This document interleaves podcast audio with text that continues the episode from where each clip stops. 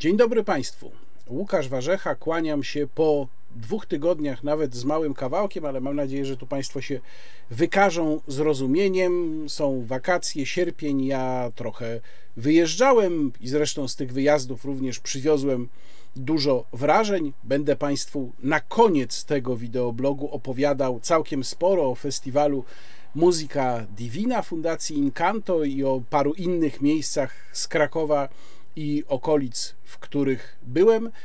Dziękuję bardzo za to, że Państwo cierpliwie czekają na kolejne wideoblogi. Przede wszystkim bardzo dziękuję wszystkim, którzy regularnie ten wideoblog i ten kanał odwiedzają. Dziękuję za wszystkie subskrypcje, za wszystkie łapki w górę. Przypominam, że no to nie jest jakiś czczy obyczaj wideoblogerski, tylko po prostu wszystkie te elementy, czyli i subskrypcje, i polubienia, i komentarze, one się przyczyniają do promocji kanału. Dzięki temu on dociera do większej liczby osób, ale szczególnie gorąco dziękuję e, moim mecenasom, którzy ten kanał wspierają. Przypomnę, że można to robić na dwa sposoby, czyli albo przez mechanizm YouTube, czyli przycisk tutaj bezpośrednio pod filmem, albo można to robić przez y, mój profil na portalu zrzutka.pl. Link też podaję zaraz na początku opisu filmu. Jest zresztą bardzo prosty. zrzutka.pl ukośnik warzecha. Za wszystkie wyrazy wsparcia, również te niefinansowe, które do mnie docierają bardzo często, bo spotykam moich widzów w różnych miejscach y, Polski. Bardzo dziękuję. Zacznę chyba nietypowo dla wideoblogu, bo zwykle tematy historyczne go nie rozpoczynają, ale tym razem zrobię inaczej, dlatego że to jest temat historyczny, a powiązany też ze współczesnością. 102. rocznica Bitwy Warszawskiej, czyli zwrotnego, e, zdaniem wielu historyków, ale może trochę też symbolicznie przyjmowanego jako zwrotny punktu wojny polsko-bolszewickiej 1920 roku. I w tym wątku chcę Państwu powiedzieć i o samej tej operacji, bo myślę, że warto ją jednak przypominać, e, i zaraz powiem dlaczego, i o tym, jak ją upamiętniono lub też jej nie upamiętniono. Dlaczego chcę Państwu trochę o tym e, opowiedzieć? Oczywiście to nie jest kanał historyczny, więc nie będę się tu zagłębiał w detale. Przypomnę tylko kilka ważnych rzeczy. Z dwóch powodów chciałbym o tym powiedzieć. Po pierwsze, dlatego że jest to jedna z tych niewielu rocznic, które świętujemy, a to jest przecież też święto państwowe, no i kościelne oczywiście przy okazji, ale też państwowe, w których, przy których mielibyśmy okazję świętować naszą wygraną. I to nie wygraną, którą zawdzięczamy jakiemuś ślepemu trafowi, ale być może nie też planowi, bo trudno było przygotowywać się młodemu polskiemu państwu do wojny z bolszewikami, ale na pewno pewnemu zorganizowaniu, zjednoczeniu narodowemu, połączeniu sił i y, dobrym działaniom w różnych sektorach, o których również chcę Państwu powiedzieć. To jest taka dosyć wyjątkowa okazja, wyjątkowy moment, kiedy możemy świętować naszą wygraną, nasze zwycięstwo, a nie kolejne zwycięstwo moralne czy chwalebną przegraną. Stąd zresztą również moje ogromne pretensje o kwestię upamiętnienia tej rocznicy, ale o tym powiem za chwilę. Najpierw y, przypomnę o parę faktów o samej Bitwie Warszawskiej. I drugi powód jeszcze, dla którego chcę o tym powiedzieć, jest taki, że Mam wrażenie, że zwłaszcza obecnie rządzący mają skłonność do pomijania pewnych kwestii, jeżeli chodzi o historię drugiej RP. Jako obóz neosanacji, można tak chyba mówić, zapatrzony w Józefa Piłsudskiego, co też się odbija w pewnych, powiedziałbym, faktycznych działaniach i osiągnięciach, również do tego dalej przejdę. Mam wrażenie, że postać Józefa Piłsudskiego często jest gloryfikowana, jest pokazywana tak, jakby nie było na niej żadnego cienia. Jego zasługi są wyolbrzymiane, a jednocześnie słabe momenty z nim związane są kompletnie pomijane. I też dlatego właśnie trzeba przypominać o rocznicy Bitwy Warszawskiej. Pierwsza sprawa, no, dlaczego Bitwa Warszawska się udała, dlaczego to był punkt zwrotny, jak się udało obronić. To była kwestia śmiałego y, manewru, obmyślonego i zarysowanego w ogólnych y, zrębach, w ogólnych granicach, w ogólnym kształcie przez Józefa Piłsudskiego i jest to niewątpliwie jego zasługa. Natomiast na konkretne działania przekuł ten manewr, tę koncepcję, przekuł sztab generalny. I wtedy szefem sztabu generalnego, sztabu głównego Wojska Polskiego był generał Tadeusz Rozwadowski. Do dzisiaj trwa spór pomiędzy historykami o to, kto tak naprawdę w związku z tym był rzeczywiście autorem tego manewru. Józef Piłsudski sobie przypisywał tę zasługę również po latach. Jest taka relacja o spotkaniu generała Rozwadowskiego z Józefem Piłsudskim, w trakcie którego Piłsudski miał powiedzieć: e, No, ale wojnę z bolszewikami to ja jednak wygrałem, i wtedy Rozwadowski bez słowa obrócił się na pięcie i wyszedł, podobno zostawiając oniemiałego Piłsudskiego, mm, e, który nie wiedział, co na taką bezczelność odpowiedzieć. Ten spór z całą pewnością jeszcze wyolbrzymia postępowanie marszałka tuż przed Bitwą Warszawską, tuż przed 15 sierpnia, ponieważ 12 sierpnia marszałek Piłsudski na ręce między innymi Wincentego Witosa, który dosłownie no, chwilę, kilka dni wcześniej został premierem rządu ocalenia narodowego, złożył dymisję. Przedstawił taki list, w którym opisywał e, powody tej dymisji treść tego listu jest znana. Wynika z niego, że marszałek miał się martwić, niepokoić tym, że z powodu jego osoby stojącej na czele najważniejszych państwowych urzędów, również jego jako głównodowodzącego e, wojskiem polskim, Antanta nie będzie chciała przyjść Polsce zagrożonej przez bolszewików z jakąś poważniejszą pomocą, bo ta pomoc była ze strony Antanty jako całości państw zachodnich dosyć ograniczona mimo wszystko. Nie ze, nie ze strony wszystkich, o tym jeszcze też za chwilę powiem. Natomiast Witos potem relacjonował, że Piłsudski był roztrzęsiony, był e, jakby niepewny, no w każdym razie, że był w, w dziwnym stanie psychicznym. No i zgodnie z relacjami, które się lata później pojawiły, Piłsudski wcale nie pojechał do Puław, jak to niektórzy podają, tylko pojechał do e, majątku Bolesława Wieniawy Długoszowskiego, swojego przyjaciela, e, położonego, e, tego majątku położonego w pobliżu Tarnowa, czyli no bardzo daleko od Warszawy. I no, z całą pewnością powrócił do aktywnego dowodzenia dopiero 18 sierpnia. To można ponad wszelką wątpliwość stwierdzić. Czyli stąd również biorą się takie relacje, czy takie mm, założenia, spekulacje, że jednak głównym autorem zwycięstwa, tego zwycięstwa z połowy sierpnia był generał Tadeusz Rozwadowski. Na pewno była w tym wszystkim też duża rola polskich kryptologów. To jest być może mniej znany epizod, ale grupa polskich kryptologów zdołała złamać sowieckie szyfry wojskowe, dzięki czemu Polacy mogli podsłuchiwać sowieckie wojskowe radiostacje, e, ale także nie zapominajmy, to był ogromny sukces Wincentego Witosa, który właśnie był szefem, jak powiedziałem, premierem rządu ocalenia narodowego i który 30 lipca opublikował słynną odezwę do braci Włościan, taką bardzo poruszającą, która spowodowała, że wielu polskich chłopów, którzy mogli mieć wątpliwości, czy to nowe państwo, nowo powstałe państwo naprawdę jest ich, czy do nich należy, czy się nimi zajmie, czy będzie się z nimi obchodziło w należyty sposób, zostało przekonanych właśnie tą odezwą przez Witosa do tego, żeby wstąpić do wojska i to z całą pewnością nam bardzo pomogło. Mm, Witos w tej y, odezwie, w której zresztą nazywa Polskę Polską Ludową, no ale oczywiście nie chodzi tutaj o żadne odwołanie do mm, komunizmu, bo przecież Polska Ludowa, Polska Rzeczpospolita Ludowa powstała dużo później, tu mówimy o czasach po II wojnie światowej, natomiast Witos y, pisząc o Polsce Ludowej odwoływał się właśnie do tego poczucia wspólnoty chłopów, czyli Włościan. Y, I pisał między innymi tak w tej odezwie.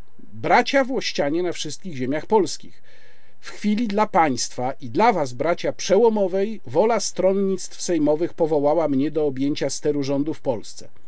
Oddając władzę prezydenta ministrów w moje ręce, stronnictwa zadokumentowały, że państwo polskie jest i pozostanie państwem ludowym. Oddając ją w moje ręce w czasie dla państwa. Najcięższym, stwierdziły, że ratunek może i powinien dać państwu lud, prawowity tego państwa gospodarz. Od was, bracia włościanie, zależy, czy Polska będzie wolnym państwem ludowym, w którym lud będzie rządzić i żyć szczęśliwie, czy też się stanie niewolnicą moskiewską, czy będzie się rozwijać w wolności i dobrobycie, czy też będzie zmuszona pod batem władców Rosji pracować dla najeźdźców i żywić ich swoją krwią i znojem. I dalej na końcu tej odezwy czytamy tak. Niech każdy z was spełni swój obowiązek. Kto z was zdolny do noszenia broni na front? Dziś największy obowiązek każdego Polaka to służba w obronie ojczyzny. Na polu walki, na froncie miejsca dziś dla każdego, kto broń udźwignąć potrafi. Inni dać muszą ofiarę z pracy imienia. Podpisano prezydent ministrów Wincenty Witos. No i teraz, kiedy mówię o tym, że pewne karty z historii II Rzeczypospolitej są przemilczane, to mam na myśli właśnie losy takich osób jak generał Rozwadowski, czy jak Wincenty Witos, czy jak chociażby Wojciech Korfanty, o którym opowiadałem Państwu w poprzednim wideoblogu, mówiąc o moim pobycie mm, na Śląsku i o losach Korfantego w II Rzeczpospolitej. Sanacja prześladowała każdego, mówię oczywiście o czasach po 1926 roku, czyli po zamachu majowym prześladowała każdego, kto mógł w jakiś sposób zagrozić legendzie marszałka, kto posiadał jakąś wiedzę na temat tego, co się wydarzyło w przeszłości, albo kto mógł konkurować z marszałkiem, jeżeli chodzi o zasługi czy zaszczyty. No i dokładnie tak się stało z generałem Rozwadowskim, który jeszcze miał, można powiedzieć, tego pecha, że przez legalny rząd w 26 roku został mianowany obrońcą stolicy przed zamachowcami z marszałkiem Piłsudskim na czele.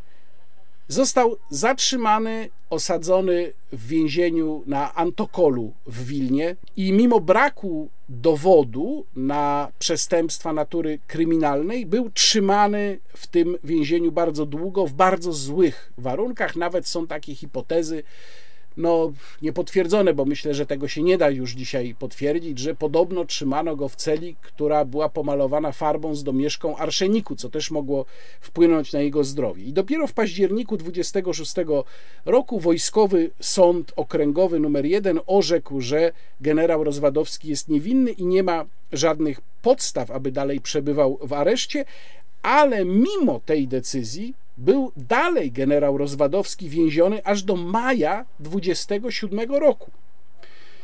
I dwa miesiące przed swoim zwolnieniem został od tak po prostu przeniesiony w stan spoczynku. No z zemsty oczywiście. Zmarł w roku 1928, a to spotkanie z Piłsudskim, o którym wcześniej mówiłem, e, odbyło się e, no, w sumie niedługo przed jego śmiercią, już właśnie kiedy generał Rozwadowski był generałem w stanie e, spoczynku.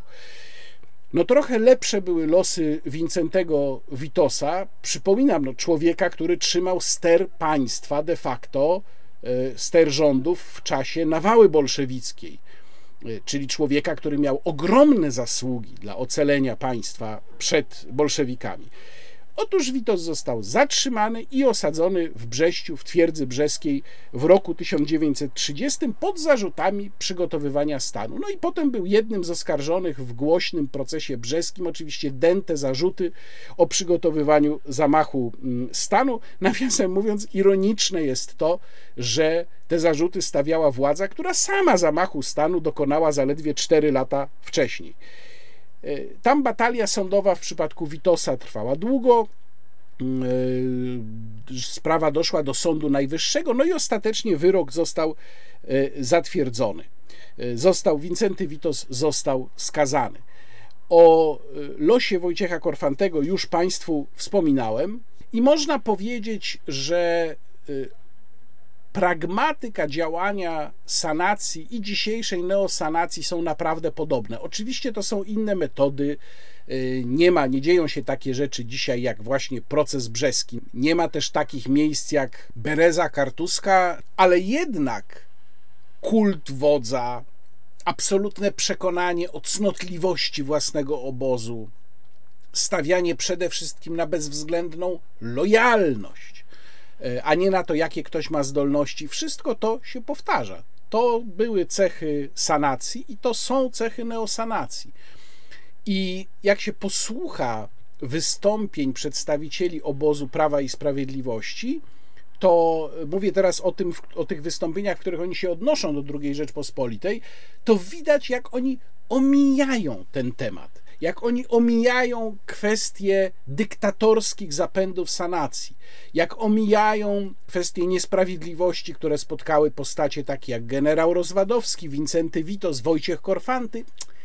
Nie ma tematu, a nawet jeżeli jakiś tam jest no to się jednym słowem wspomni, że coś tam może było nie tak. I myślę, że to jest bardzo świadome omijanie. Mówię oczywiście o tych ludziach, którzy mają jakąś świadomość historyczną. To też pytanie, ilu w Prawie i Sprawiedliwości, w ogóle ilu polityków w Polsce ma jakąś świadomość historyczną. Natomiast ci, którzy mają, myślę, że omijają te tematy w pełni świadomie. No to teraz przechodzę do tego, co w ogóle z polityką historyczną w Polsce w kontekście właśnie 15 sierpnia. Co z polityką historyczną w Polsce po 2015 roku. I tu od razu odniosę się do zastrzeżenia, które się pojawiało w trakcie mm, moich dyskusji twitterowych z niektórymi, że czepiam się PiSu, a dlaczego się nie czepiam tych, którzy byli przed PiSem? No, powód jest dosyć prosty. Ja wobec ludzi, którzy byli przed PiSem, nie miałem żadnych oczekiwań w tym względzie. Jak mógłbym mieć oczekiwania wobec prezydenta, który zapoczątkował akcję z tak zwanym morzełem, czyli z taką, z taką karykaturą orła, którą tu Państwu przypominam, z hasełkiem orzeł morze. Stąd się wzięło morzeł. I jeszcze był czekoladowy morzeł, taki właśnie, którego tutaj Państwo widzą, który został ustawiony mm, w holu programu trzeciego. Ja to pamiętam jeszcze, bo chodziłem wtedy jako komentator do trójki, więc stał sobie ten morzeł czekoladowy, aż się był zaśmierdł i trzeba było z nim zrobić porządek. Więc y, no, ja po tamtych ludziach specjalnie się niczego nie spodziewałem, aczkolwiek trzeba pamiętać, i to też jest warte odnotowania, bo przecież bądźmy uczciwi i bądźmy rzetelni w tym, co mówimy, że ekshumacje żołnierzy podziemia niepodległościowego y, z czasów po 1944 roku to jednak zaczęły się za prezydenta Komorowskiego i prezydent Komorowski tutaj odegrał pewną rolę. Więc też przyznajmy tam, gdzie jakieś zasługi były, to przyznajmy, że one były. Ale w 2015 roku doszła do władzy formacja, która od samego początku twierdziła, że dla niej polityka historyczna jest super istotna, że oni dopiero pokażą, jak się prowadzi politykę historyczną, że dopiero oni będą w stanie ją zrealizować, że będą w stanie wykorzystać wszystkie dobre karty naszej historii. No to zobaczmy, jak im to wyszło. Po pierwsze, musieli mieć jakiś własny mit historyczny. Był już mit powstania warszawskiego, ale wydaje mi się, że ta nowa władza uznała, że mit powstania warszawskiego jest za bardzo już wyeksploatowany i też za bardzo uniwersalny. Czyli nie da się z niego zrobić takiego własnego mitu. No więc sięgnięto po właśnie podziemie niepodległościowe po 1944 roku, czyli mówiąc popularnie, żołnierzy wyklętych. No i ten temat niestety zmarnowano w sposób, w sposób straszny. Po pierwsze, w ogóle ja mam wątpliwości, pisałem o tym kilka razy, e, czy należy robić temat mitologii państwowej, to powinna być świadoma decyzja, właśnie z podziemia niepodległościowego po 1944 roku, bo to jest opowieść właściwie całkowicie straceńcza. W przeciwieństwie jeszcze do powstania warszawskiego, gdzie był poważny element państwowotwórczy, gdyby ono się udało, to znaczy były koncepcje tego, jak urządzić państwo, mm, na tym skrawku wyzwolonej Warszawy przez pewien czas coś na kształt państwa funkcjonowało, oczywiście takiego w warunkach wojennych, ale jednak. Natomiast tego już kompletnie właściwie nie ma w opowieści o, o wyklętych.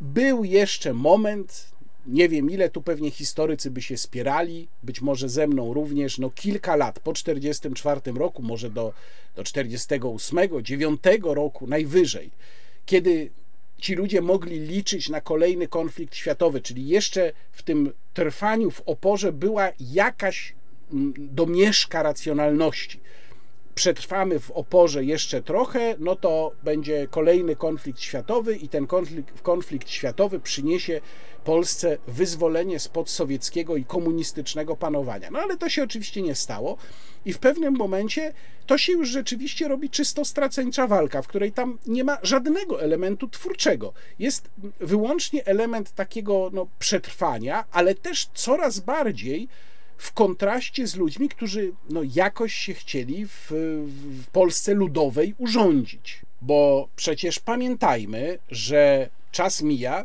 widać, że tego konfliktu światowego nie będzie, widać, że żelazna kurtyna zapada coraz wyraźniej między wschodem a zachodem i ci leśni, którzy no przecież mają swoje potrzeby, muszą skądś dostawać jedzenie, muszą czasem gdzieś się przespać, muszą dotrzeć do lekarza i tak dalej. I oni też napotykali na coraz poważniejszy opór ludzi, od których oczekiwali pomocy. No, to straszna historia, bo tutaj nawet trudno mówić o jakiejś racji moralnej, zasadniczej, czy przewadze moralnej po jednej czy drugiej stronie.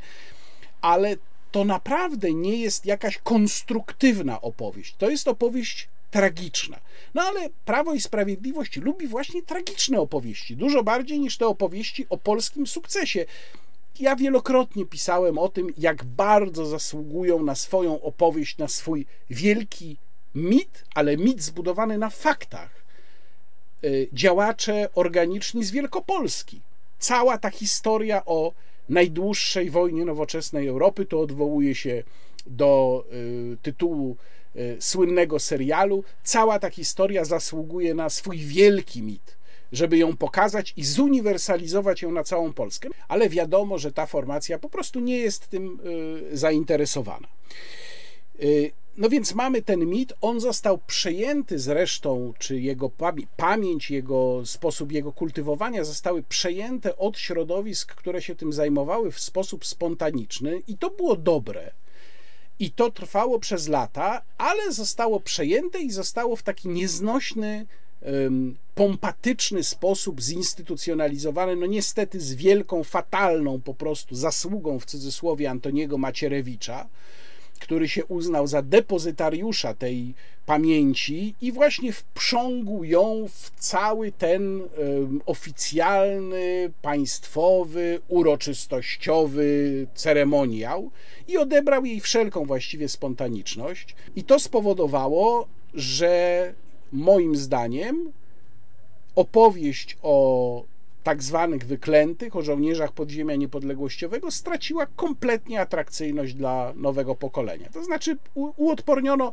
młode pokolenia, takie, które dzisiaj mają powiedzmy po od, nie wiem, 14 do, do, do 20, do 18 lat, zostały kompletnie na to uodpornione. Czyli schrzaniono sprawę całkowicie. Ale przede wszystkim, i to jest tutaj mój główny zarzut, zmarnowano dwie zasadnicze, dwie wielkie rocznice, czyli rok 2018 i rok 2020. Stulecie odzyskania przez Polskę niepodległości i stulecie bitwy warszawskiej. W 2018 roku brakowało spójnej koncepcji. Wszystko było robione na chybcika próbowano podciągnąć pod działania państwowe różne spontaniczne i y, lokalne inicjatywy. Oczywiście dobrze, że one były i one powinny być, ale to było tak, że państwo po prostu sobie je przypisywało, chociaż jako żywo nie miało z tym nic wspólnego. No i główne obchody nie zaznaczyły się praktycznie niczym. Sprawiało to takie wrażenie, jakby zostały pod pewnym przymusem zorganizowane. Ja w każdym razie nie pamiętam, żeby tam cokolwiek istotnego się wydarzyło. I przede wszystkim też nie stworzono żadnego projektu który by stanowił godziwe upamiętnienie tej setnej rocznicy odzyskania niepodległości. Projektu mam na myśli coś, co zostaje. To mogą być różne rzeczy. Nie, nie rzucam tutaj pomysłów żadnych konkretnych, ale to może być mm, biblioteka, to może być jakaś instytucja, to może być całe mnóstwo, to jest całe mnóstwo możliwości, coś, co zostałoby po tym stuleciu trwałego i pokazywałoby, że polskie państwo pamięta o tej setnej rocznicy. Nic takiego nie zrobiono. Krytykowano te działania i ten sposób postępowania w 2018 roku i później, i wydawało się, że to jest takie doświadczenie, które musi tę władzę nauczyć, jak powinna działać w obliczu nadchodzącej rocznicy Bitwy Warszawskiej. No jednak jednej z najważniejszych bitew w historii Europy, na pewno Zachodu, no być może i świata. Ale okazało się, że absolutnie nic takiego nie nastąpiło. To znaczy, doświadczenie po prostu się na nic nie przydało. Od dawna istniała idea stworzenia pomnika Bitwy Warszawskiej. Ja jestem zwolennikiem pomników, jeżeli chodzi o te najważniejsze momenty, najważniejsze osoby e, w życiu państwa, w historii państwa. Po prostu uważam, że polityka historyczna i takie materialne zaznaczanie pamięci jak najbardziej ma znaczenie. Oczywiście nie wolno z tym przesadzać, ale ma to znaczenie. Dlatego byłem zwolennikiem tego, żeby taki pomnik powstał. No i co? Od kiedy było wiadomo, że będzie setna rocznica Bitwy Warszawskiej? No tak jak zresztą z setną rocznicą odzyskania niepodległości, no więc było to wiadomo, proszę Państwa, od 100 lat, że ta rocznica nadejdzie. No tak. I kiedy PiS przejmował władzę w 2015 roku, to gdyby była to poważna partia, która poważnie traktowałaby swoje zobowiązania dotyczące polityki historycznej, to ktoś, no, naczelnik być może rzuciłby taką myśl, ale ktoś by tam pomyślał, y, nadchodzą te momenty, trzeba się przygotować, y, róbmy to, róbmy to już teraz. No ale co widzimy, jeżeli chodzi o pomnik? Widzimy, że dopiero w 2020 roku, na początku 2020 roku, wybrano koncepcję pomnika. I zresztą jaką koncepcję wybrano? No, wybrano koncepcję wiertła, słynnego wiertła, które tutaj Państwo widzą. Naprawdę ja bym chciał poznać y, dyskusję i rozumowanie, które tutaj wdrożył komitet konkursowy, bo naprawdę nie wiem, co, jaka tutaj myśl głęboka za tym stała, żeby wybrać ten, ten, to wiertło. Właśnie wiertło to jest zdecydowanie najlepsze słowo opisujące formę tego pomnika. Oczywiście, ponieważ projekt został wybrany na początku 2020 roku, no to było całkowicie jasne, że e, nie zdążą z tym pomnikiem i tu trzeba zaznaczyć, że to nie jest tak, że wobec tego, lokalizacji tego pomnika, jego budowy, lokalizacja, przypominam, na placu na rozdrożu, że jest jakiś zasadniczy opór ze strony miasta. Tego nawet zresztą rząd nie sygnalizuje. Ten pomnik ma tam być, tylko że na razie najaktualniejsze informacje mówią o tym, że może się uda w sierpniu przyszłego roku, ale raczej nie. No, to gratuluję serdecznie, czyli w najlepszym razie będzie to opóźnienie trzech lat w stosunku do setnej rocznicy. Drugi projekt związany z y, Bitwą Warszawską, wydawało się, że tutaj rzeczywiście pomyślano z wyprzedzeniem. Muzeum Bitwy Warszawskiej w Osowie, czyli w miejscu, gdzie rzeczywiście tak fizycznie ta nawała bolszewicka została zatrzymana, muzeum zapowiedziano w słynnym twicie pana ministra Dworczyka, który ja zawsze przypominam z okazji 15 sierpnia i nie jestem jedyny, widzą to państwo, pan minister Dworczyk zapowiadał oczywiście otwarcie w sierpniu 2020 roku. Tweet jest z 14 sierpnia 2017 roku, czyli sprzed, proszę państwa, pięciu lat. Pozdrawiam serdecznie pana ministra Dworczyka. Rok później robił sobie publicznie z gęby cholewę pan minister Błaszczak. Proszę posłuchać. Najlepszym miejscem, w którym takie muzeum powstanie, jest Ossów. Dlatego, że to na tych polach wojsko polskie zatrzymało, pobiło i przepędziło bolszewików w 1920 roku. Ministerstwo Obrony Narodowej aktywnie działa na rzecz powołania Muzeum Bitwy Warszawskiej. Zdecydowaliśmy, żeby Muzeum Bitwy Warszawskiej było filią Muzeum Wojska Polskiego.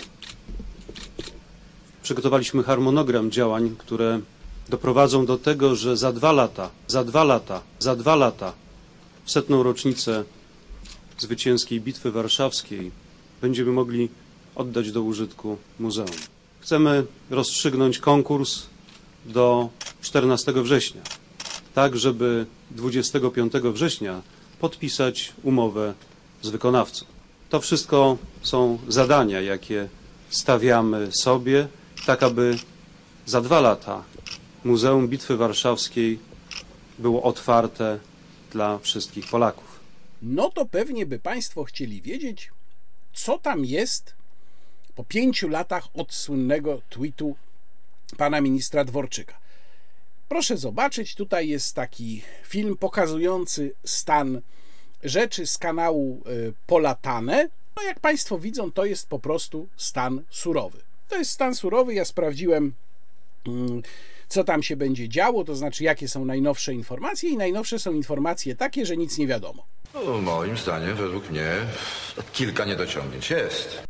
Że może się w przyszłym roku uda coś tam dopiąć, ale kiedy to w ogóle będzie otwarte, to nikt nie wie. Ale proszę Państwa, coś jednak otwarto w sierpniu 2020 roku. To nie jest tak, że nic nie, niczego nie otwarto. Otwarto mianowicie Muzeum Józefa Piłsudskiego w Sulejówku. Czyli to właśnie, tu wracam do tego, co powiedziałem na początku mojego wywodu, tutaj właśnie widać pewne priorytety tej władzy. No co prawda Muzeum całej Bitwy Warszawskiej, w którym by musiała być mowa na przykład o generale Rozwadowskim, o Wincentym Witosie, tego nie ma, ale za to Muzeum Józefa Piłsudskiego jest. Ale jest, proszę Państwa, coś jeszcze.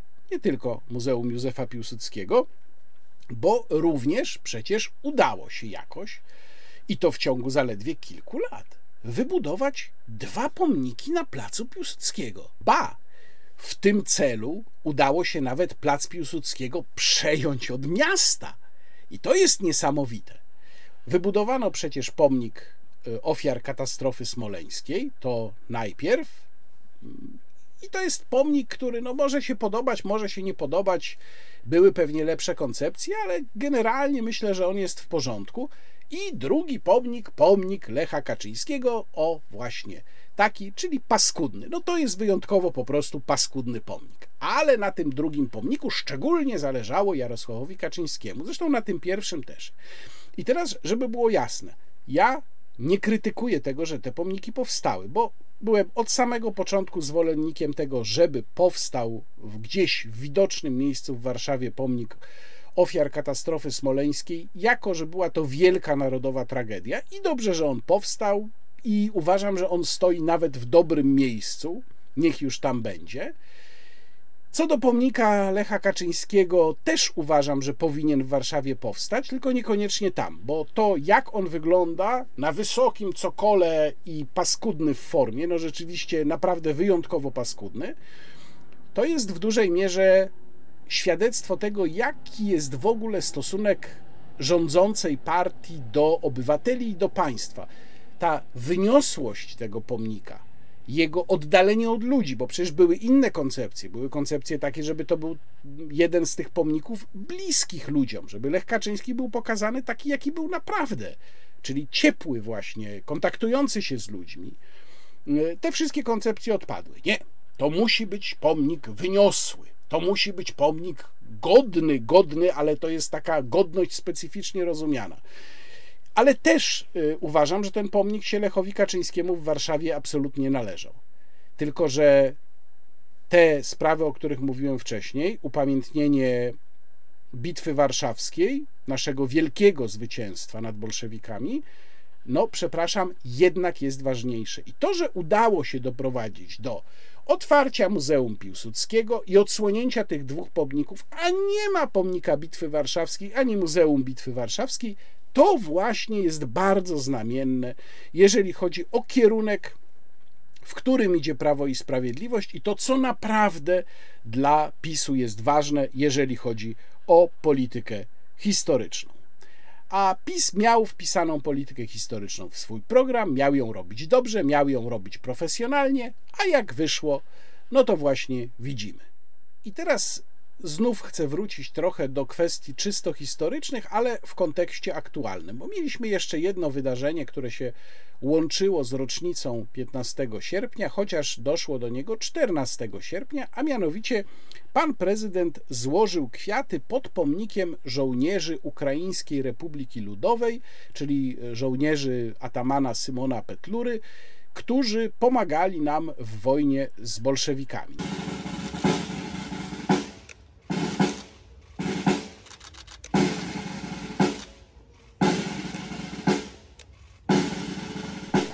Tutaj wywołało to pewne zaskoczenie, nawet u niektórych niesmak, dlatego że po prostu Ukraina jest doklejana w sztuczny sposób do wszystkich możliwych naszych historycznych rocznic od momentu, kiedy zaczęła się wojna.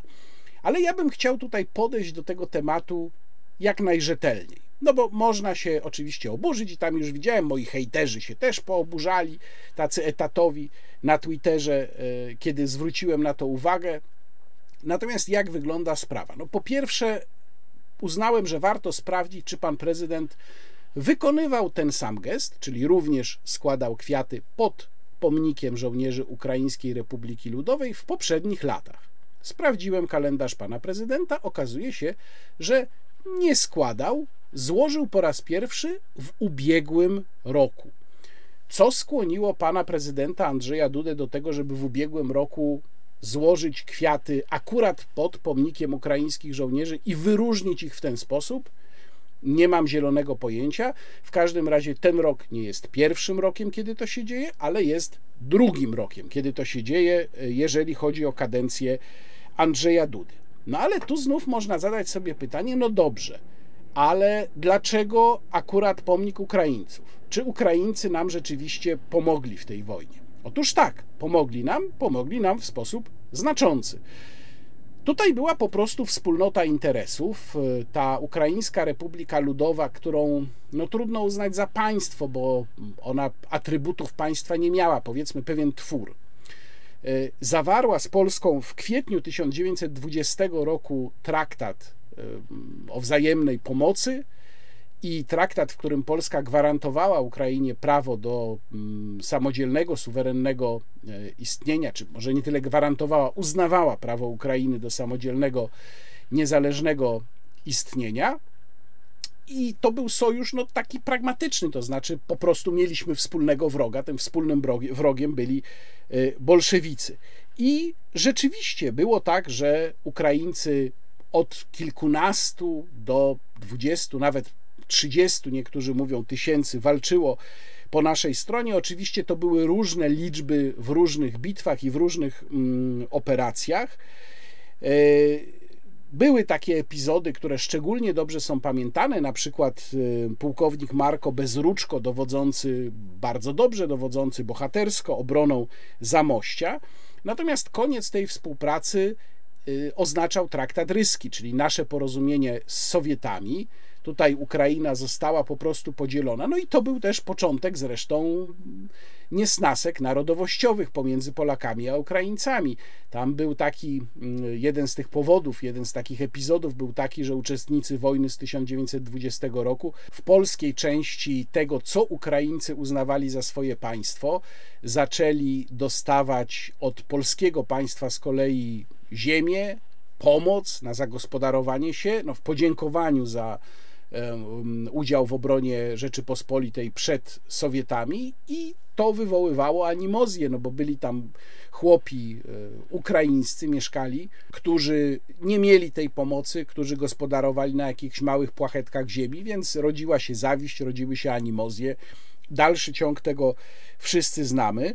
Natomiast rzeczywiście tak, to prawda, Ukraińcy nam pomogli. No tylko, że nie tylko Ukraińcy nam pomogli tu można zadać sobie pytanie, dlaczego pan prezydent akurat postanawia wyróżnić tę nację. Przynajmniej dwa kraje jeszcze pomogły nam bardzo wydatnie, a jeszcze obywatele z trzeciego kraju pomogli nam dodatkowo. Te dwa kraje to Węgry i Francja. A ten trzeci kraj, którego obywatele nam wyjątkowo pomogli, choć w małej liczbie, to Stany Zjednoczone. W jaki sposób nam pomogli? Jeżeli chodzi o Francję, e, krótko, bo około 8 miesięcy zaledwie premierem Francji w tamtym czasie był Alexandre Millerand, który był przychylny Polsce, który ogłosił, że Francja zrobi wszystko, aby Polsce pomóc, i rzeczywiście Francja zrobiła dla Polski wtedy bardzo dużo. Byli tutaj w Polsce francuscy oficerowie, którzy pomagali w strukturze, w tworzeniu łańcucha dowodzenia. Był przede wszystkim generał Maxime Weygand, e, który co prawda we Francji po wojnie polsko-bolszewickiej był witany tak, jakby to on tę wojnę wygrał, ale sam generał Weygand nigdy nie twierdził, że to on był dowódcą i że on był autorem tej koncepcji, co zresztą byłoby nieprawdą, bo nie był autorem koncepcji. On miał swoją koncepcję walki z bolszewikami, ale ta koncepcja prawdopodobnie byłaby kompletnie nieskuteczna, więc nie została przyjęta. Natomiast generał Weygand był zdolnym sztabowcem, pomagał rzeczywiście pracując przy sztabie głównym Wojska Polskiego i bardzo uczciwie e, później opowiadał, czy też opisywał, jak to wyglądało, nie przypisując sobie zasługi wcale związanej z tym zwycięstwem, tylko wyraźnie podkreślając, że to Polacy sami tę koncepcję y, zwycięską wymyślili. Y, poza tym, we Francji zostali utworzeni i wyekwipowani Halerczycy, błękitna armia e, generała Halera. Zresztą również mój mm, pradziadek tam y, y, był halerczykiem. Y, Francja przyznała nam kredyt w wysokości ponad pół miliarda franków. Przekazała 2000 dział, 3000 karabinów maszynowych, kilkadziesiąt tysięcy zwykłych karabinów i 300 mm, samolotów oraz dużą liczbę mundurów. To naprawdę była bardzo istotna pomoc, jeżeli chodzi o sprzęt.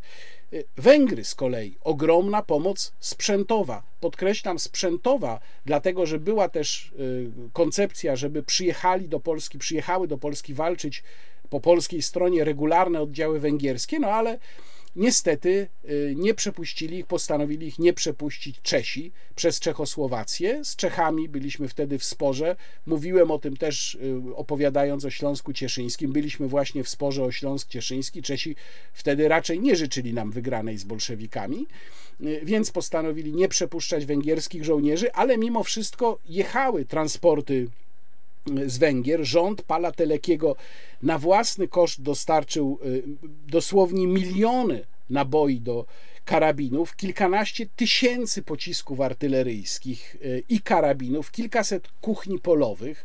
Y, w lipcu 20 roku przez Węgry przeszło około 400 transportów z, ze sprzętem z krajów zachodnich, z materiałami wojennymi różnego rodzaju.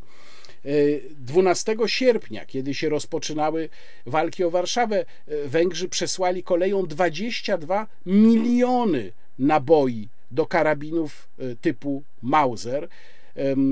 To była ogromna pomoc, a do tego jeszcze kilkuset węgierskich ochotników bardzo e, bohatersko walczyło po polskiej stronie z bolszewikami. No i wreszcie trzecia kwestia, czyli ochotnicy amerykańscy, może liczebnie nie tak ważna, ale bardzo spektakularna, y, czyli przede wszystkim to, był, to była eskadra kościuszkowska, y, której dowódcą w pewnym momencie został Marian Cooper, wyjątkowa, bardzo barwna postać, późniejszy producent filmowy, który wyprodukował King Kongach film science fiction. W lipcu 1920 roku mm, został po, po zestrzeleniu, jeżeli dobrze pamiętam, swojego samolotu za linią wroga, został wzięty przez Sowietów do niewoli. Raz spróbował uciec, został złapany, potem go wzięto gdzieś do prac torowych pod Moskwą. Stamtąd uciekł, już skutecznie przeszedł 700 kilometrów, żeby dotrzeć do Polski. Amerykanie y, siali niesamowity postrach wśród Sowietów, atakując ich z powietrza, nie walczyli tam z lotnictwem sowieckim, bo go praktycznie nie było, natomiast bardzo skutecznie właśnie atakowali z powietrza, a także wypełniali funkcje mm, rozpoznawcze, tam były jakieś nieprawdopodobne wręcz historie. Na przykład jeden z lotników amerykańskich zobaczył, że Sowieci minują tory, po których miał jechać polski transport wojskowy, więc swoim samolotem e, no, ponieważ oczywiście kontaktu radiowego nie było, swoim samolotem podleciał przed lokomotywę i wykonując jakieś wręcz nieprawdopodobne akrobacje na niskiej wysokości, skłonił ten pociąg do zatrzymania się, tak żeby on właśnie na tę minę nie wjechał. E, niesamowicie barwna historia, zresztą godna moim zdaniem po prostu filmu. E, powstałby wspaniały film, gdyby e, zrobić go no inaczej niż ten, już nie chcę mówić o Bitwa Warszawska 1920 z 2011 roku, bo to lepiej z Nataszą Urbańską, to lepiej spuścić zasłonę milczenia.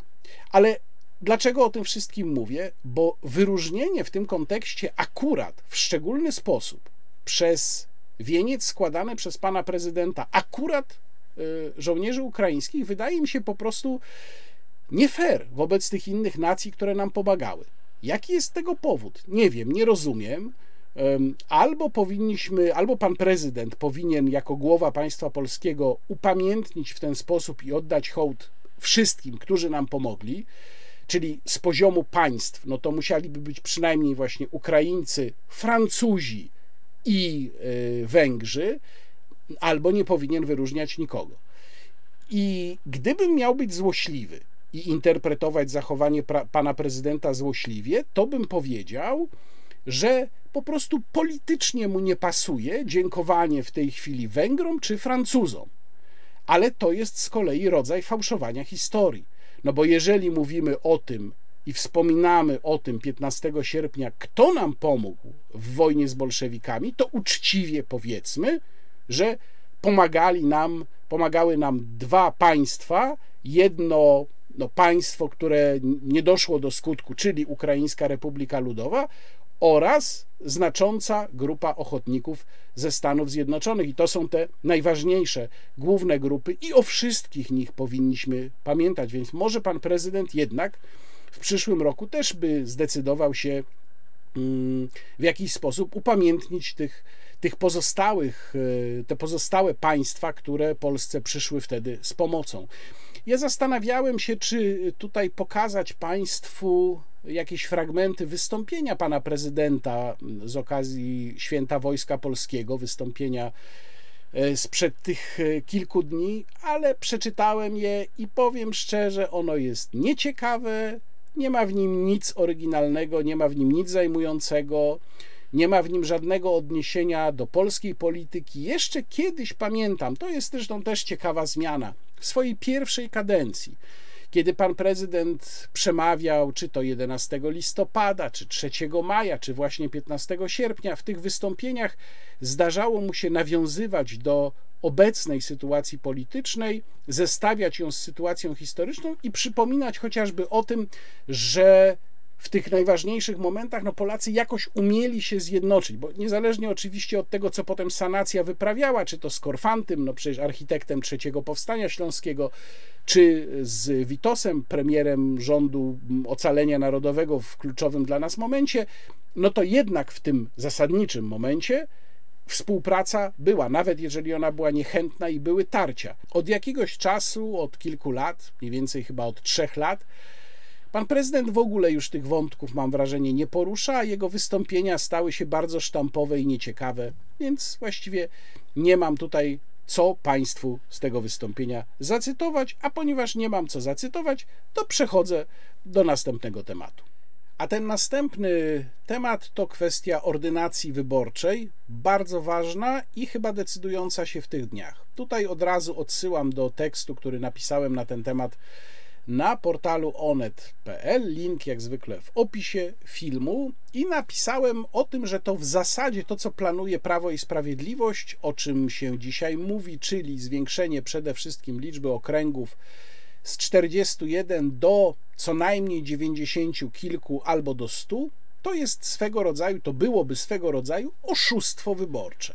Prawie oszustwo wyborcze. Dlaczego prawie? Przede wszystkim trzeba powiedzieć, że PiS może to zrobić. Zgodnie z orzeczeniem Trybunału Konstytucyjnego e, można dokonywać zmian w ordynacji wyborczej mm, w okresie do pół roku przed wyborami. No to PiS jakby teraz chciał tę ordynację zmieniać, to by się zmieścił w tym okresie. Ale to, że coś jest legalne, nie oznacza, że jest słuszne. I tu jest jeszcze jeden aspekt tej sprawy, no zasadniczy tak naprawdę, który może wskazywać na nie tylko niesłuszność, ale nawet potencjalną nielegalność takiej operacji.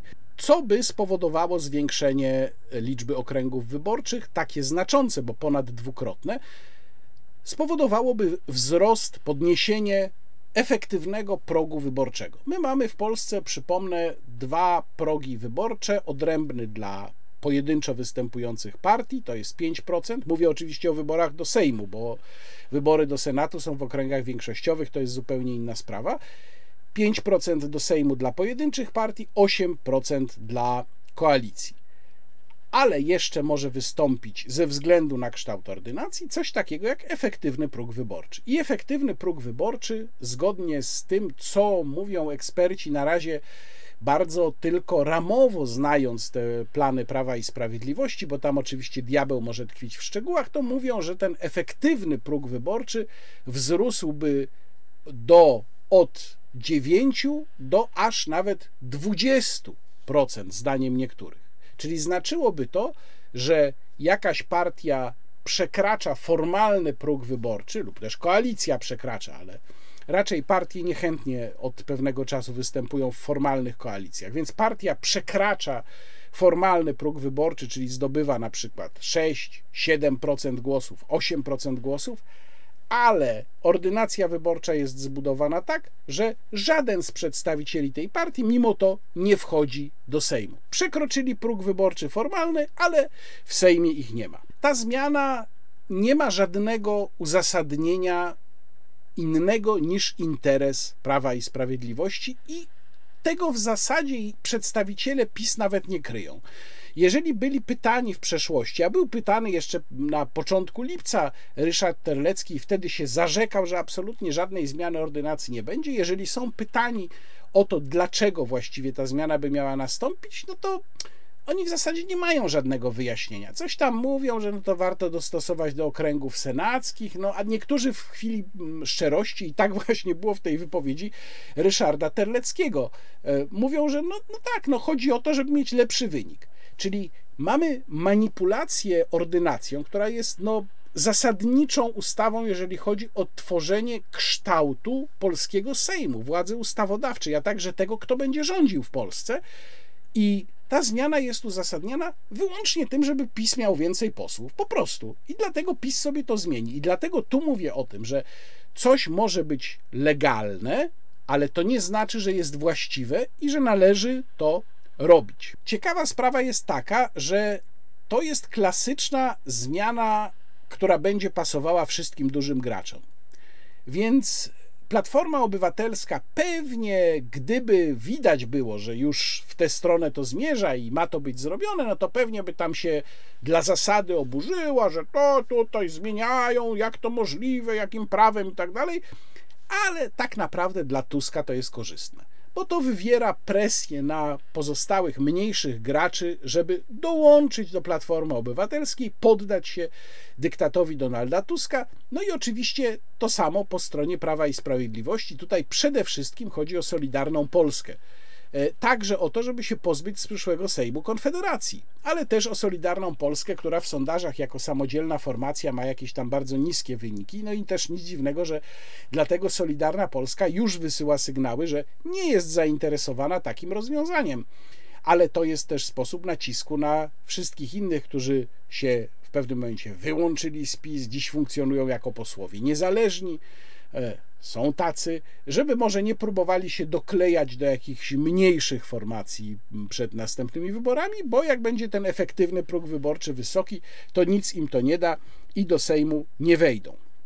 I teraz dlaczego powiedziałem, że ta zmiana może mogłaby być uznana za jednak również formalnie niedopuszczalną? Nie ze względu na termin, tu jak powiedziałem, według Trybunału Konstytucyjnego powinno być to pół roku przed wyborami, ale ze względu na artykuł 96 polskiej konstytucji, który mówi tak: wybory do Sejmu są powszechne, równe, bezpośrednie i proporcjonalne oraz odbywają się w głosowaniu tajnym.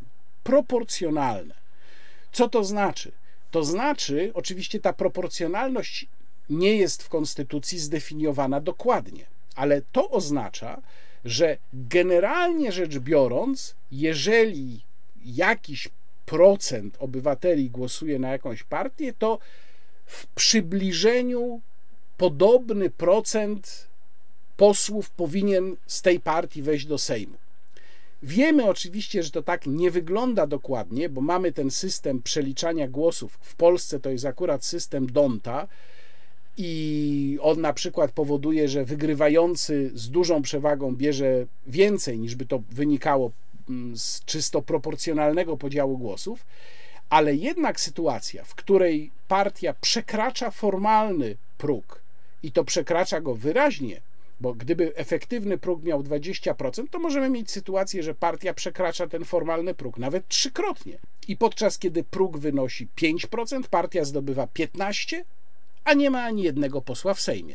Nie mówiąc już o 15% y, posłów w Sejmie.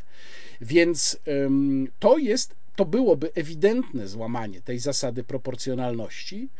No ale y, gdyby się tym zajmował Trybunał Konstytucyjny, to myślę, że nikt chyba z państwa, ja też nie, nie ma wątpliwości, y, jakby się zachował. No po prostu by albo orzekł zgodnie z zapotrzebowaniem politycznym PiS, albo by tę sprawę przewlekał bardzo długo, także skończyłaby się kadencja Sejmu, a też PiS sam wprowadził zasady dyskontynuacji, jeżeli chodzi o wnioski akurat poselskie jak się kończy kadencja, to wniosek poselski w Trybunale Konstytucyjnym przepada. Nawiasem mówiąc, sam PiS potem zaskarżył, chyba około roku temu, zaskarżył te regulacje do Trybunału, własną regulację do Trybunału Konstytucyjnego.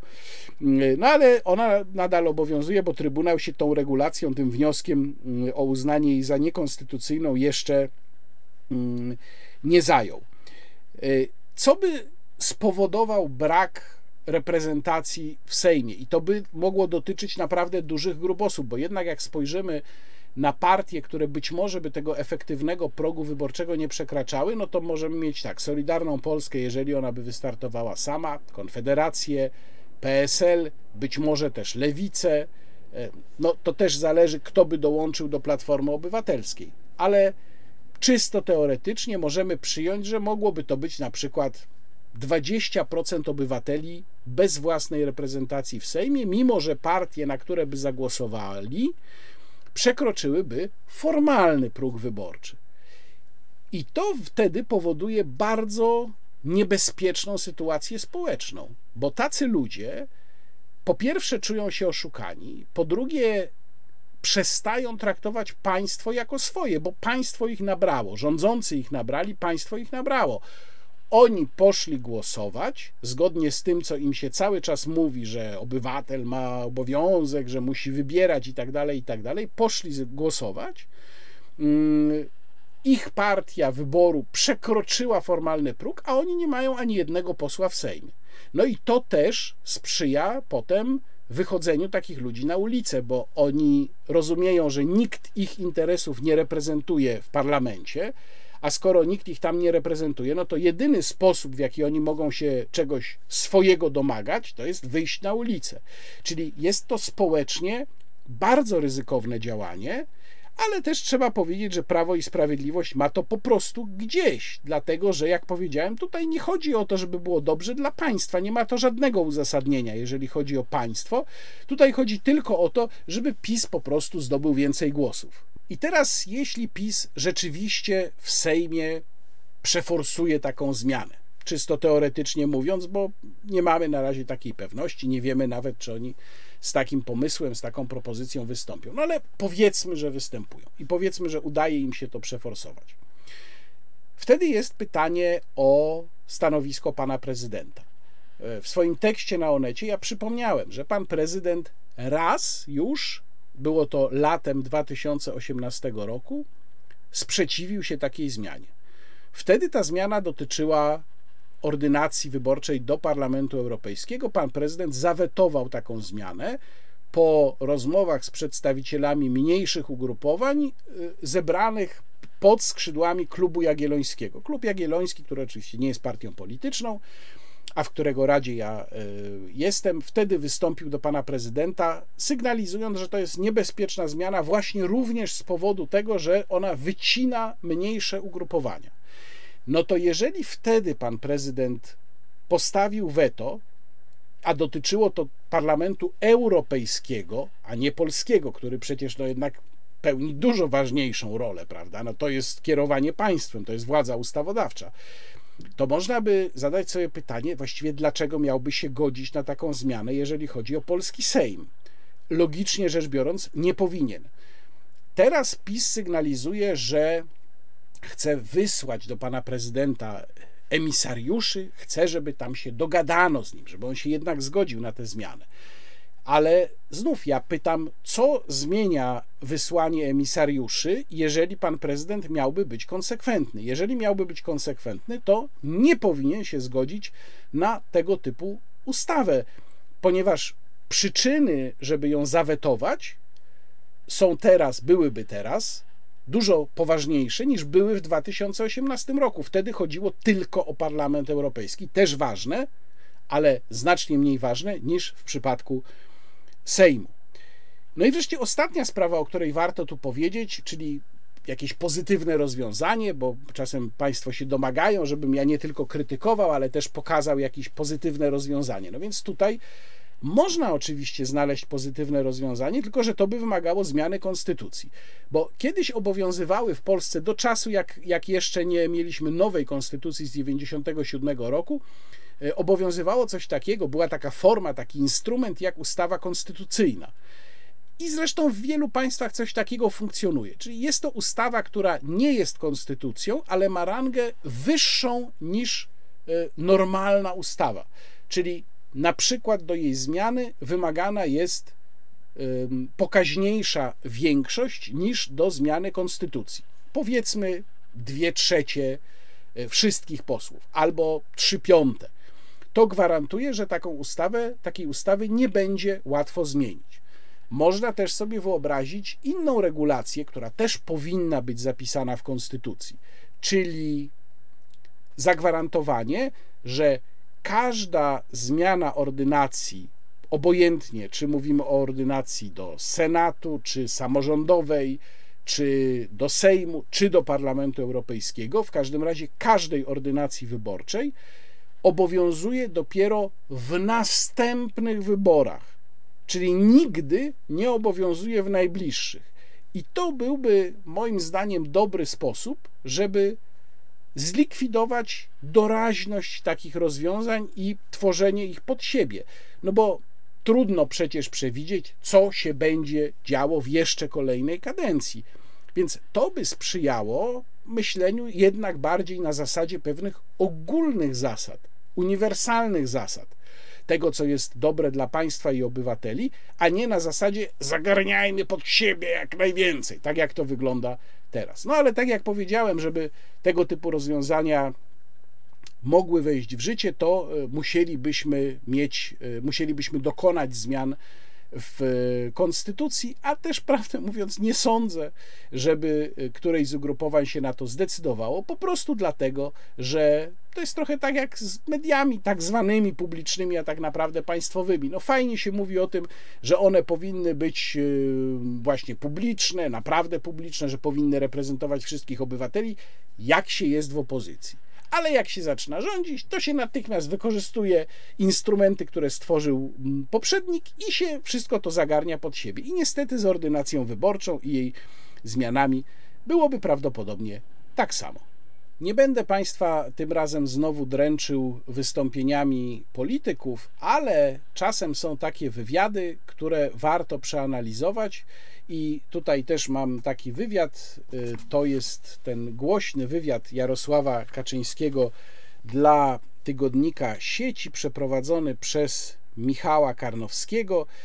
Nawiasem mówiąc, pytania, które tutaj w nim padają i sposób ich stawiania, no to naprawdę może być materiał dla wykładowców dziennikarstwa, którzy chcieliby swoim studentom pokazać, czym dziennikarstwo nie powinno być, ale to jest rzecz oddzielna. Chciałbym Państwu przeczytać kilka fragmentów z tego wywiadu i rzecz jasna skomentować je bo warto, bo jest to moim zdaniem jeden z ważniejszych wywiadów, ale też on pokazuje, mm, jakiego typu argument, po jakiego typu argumentację naczelnik sięga w sprawach dla siebie istotnych. Zobaczmy. Michał Karnowski pyta Jarosława Kaczyńskiego, dlaczego przerwał swój objazd po Polsce. Jarosław Kaczyński opowiada, że to wszystko było zaplanowane, że to tak miało być właśnie, że ten objazd zostanie wznowiony, no ale mówi też o tym, co się działo na tych spotkaniach ze strony opozycji i powiada tak. Na tych spotkaniach zdarzały się rzeczy kompromitujące naszych przeciwników. Nasyłane przez nich bojówki atakowały ludzi przychodzących na spotkania i wychodzących z nich, opluwały ich, obrażały. Tutaj historia, którą opisywał profesor Żerko, którego znów bardzo serdecznie pozdrawiam, a o której już mówiłem, bo sam naczelnik o tym zresztą wspominał w jednym z poprzednich wywiadów, powołując się wtedy bezpośrednio na profesora Żerkę i jego relacje. Nie wszędzie tak było, ale od pewnego momentu zaczęło się to powtarzać. Zdarzyło się też obrzucenie jadących samochodów. Wszystko to obnażyło, kim są nasi przeciwnicy, jakie metody polityczne stosują, jakiego używają języka i z jakich środowisk się wywodzą. Ujawnił się przestępczy i niesamowicie wulgarny charakter tych działań. Polacy to zobaczyli i to opozycję skompromitowało. Dlatego przystąpiła do tworzenia zasłony dymnej próby przykrycia tego wstydu. I tu muszę powiedzieć, że próbuje rozgryźć logikę jakąś, która w, w tym stwierdzeniu się zawiera, przynajmniej teoretycznie, ale jej nie, nie widzę. No bo tak, jeśli zdaniem Jarosława Kaczyńskiego opozycja się kompromituje przy okazji tych spotkań, tam rzeczywiście pojawiają się grupy radykalne, które zresztą nie są niczym nowym, więc też nie wiem, dlaczego Jarosław Kaczyński mówi, że ob obnażyło to, kim są przeciwnicy. No przecież grupy takie kodziarskie to się pojawiały z tym językiem też takim wulgarnym już wielokrotnie, więc to nie jest coś nowego. Otóż jeżeli rzeczywiście jest tak, że opozycja się przy okazji tych spotkań kompromituje, jak twierdzi Jarosław Kaczyński, że to opozycji przynosi straty, bo to też jest w tej odpowiedzi zawarte, no to przecież w interesie PiS byłoby kontynuować te spotkania, a nie je przerywać. No skoro opozycja się przy nich kompromituje, no to logiczne, niech się kompromituje bardziej, prawda? Ale drugi brak logiki zawiera się w tym stwierdzeniu, że opozycja chce to jakoś przykryć, i dlatego postawiła tezę, że to ona zmusiła Jarosława Kaczyńskiego do zaprzestania tych spotkań. To proszę mi wyjaśnić, w jaki sposób teza, że opozycja doprowadziła do przerwania trasy Jarosława Kaczyńskiego, ma cokolwiek przykrywać. W tym stwierdzeniu, w tym wywodzie jest po prostu kompletny brak logiki. Jedziemy dalej. No to jest fragment jednak dosyć oburzający. Mm, Michał Karnowski mówi: Wrócę jeszcze do obrzucenia pana samochodu. Mało kto pamięta, że taki był pierwszy zamach na księdza Jerzego Popiełuszkę. Tak, mówi Jarosław Kaczyński. I to przez tych samych ludzi, którzy go potem zamordowali. Wtedy to były kamienie, teraz jajka, ale jest to równie niebezpieczne dla pasażerów. Ja, ja normalnie sobie kpię z takich stwierdzeń, ale tu muszę powiedzieć, że obaj panowie chyba kompletnie stracili miarę i orientację, co wypada, a co nie. Porównywanie Jarosława Kaczyńskiego i jego nieprzyjemnych sytuacji z suwerenem w trakcie spotkań w terenie do tego, co spotkało błogosławionego księdza Jerzego Popiełuszkę, Powiedzieć, że to jest niesmaczne, to jest powiedzieć najłagodniej, jak się da, bo mógłbym tutaj użyć słów znacznie mocniejszych. I dotyczy to zarówno tych lizusowskich, wazeliniarskich pytań Michała Karnowskiego, których tutaj jest zresztą więcej, mniej więcej połowa albo dwie trzecie.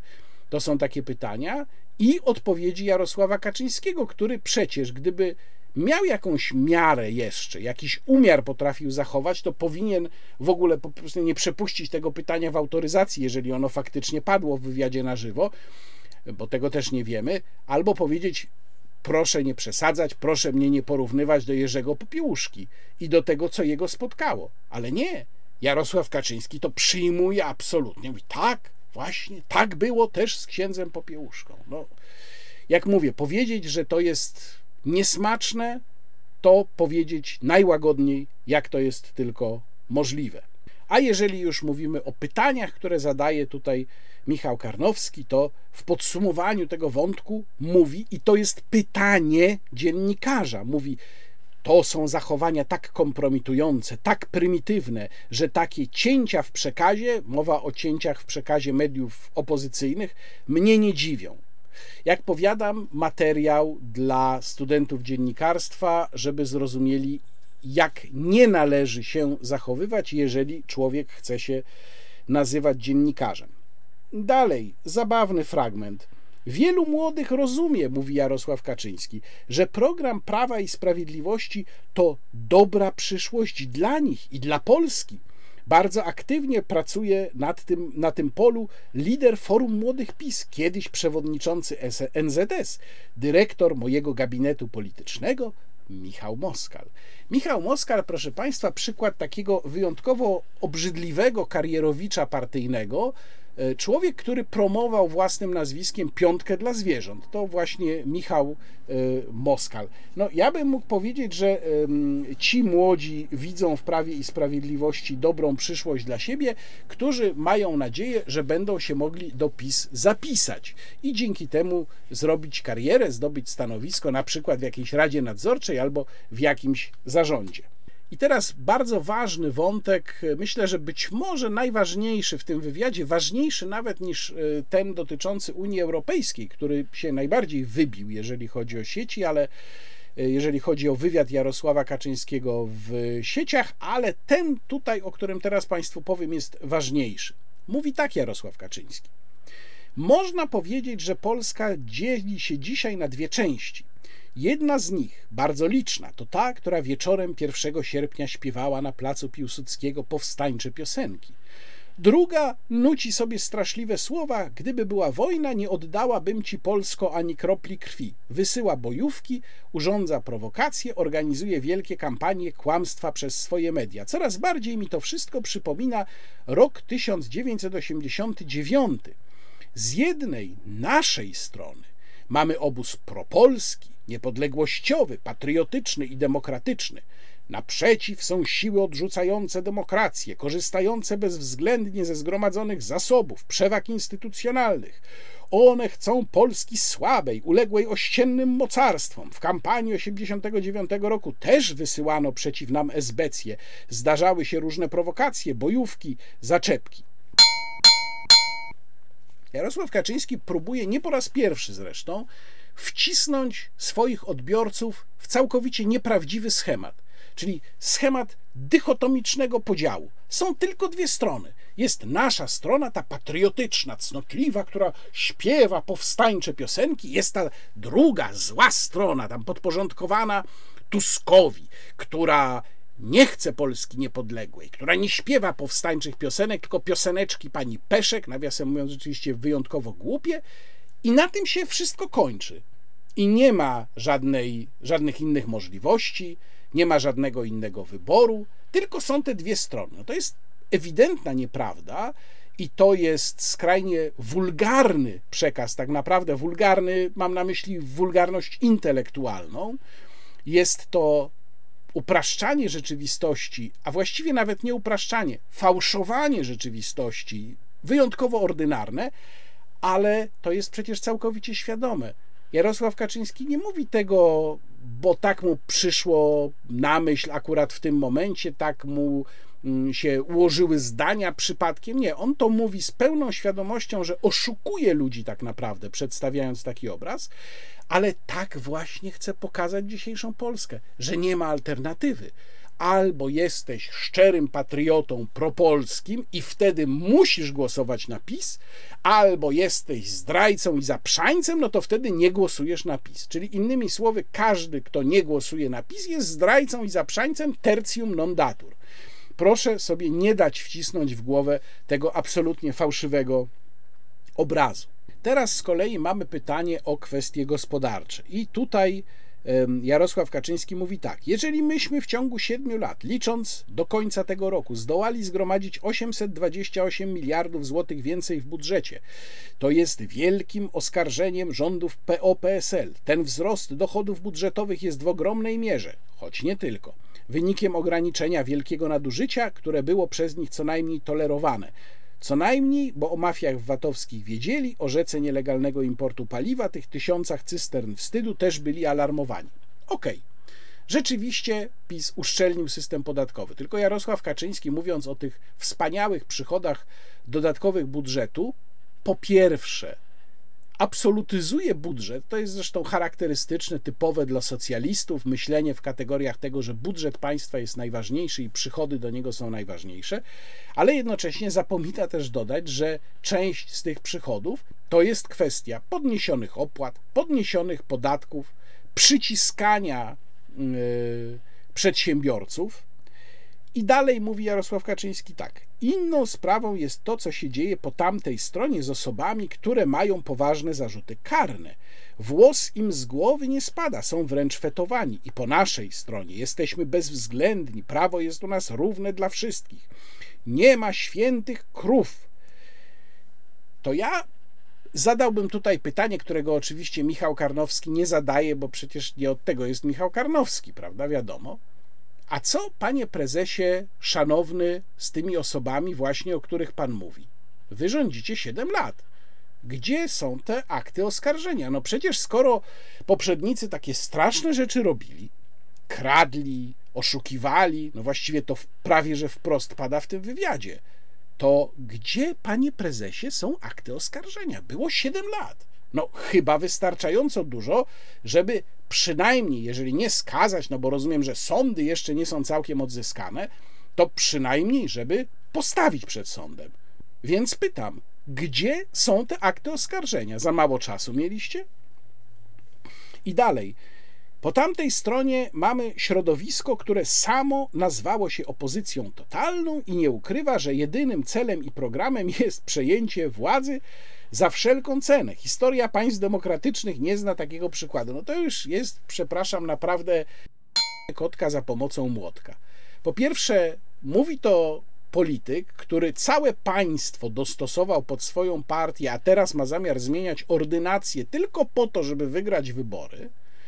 Po drugie, owszem, historia, panie prezesie, zna dużo takich przypadków bezwzględnego dążenia do władzy, bo tak na ogół działają partie polityczne w systemach demokratycznych i wy też tak działacie.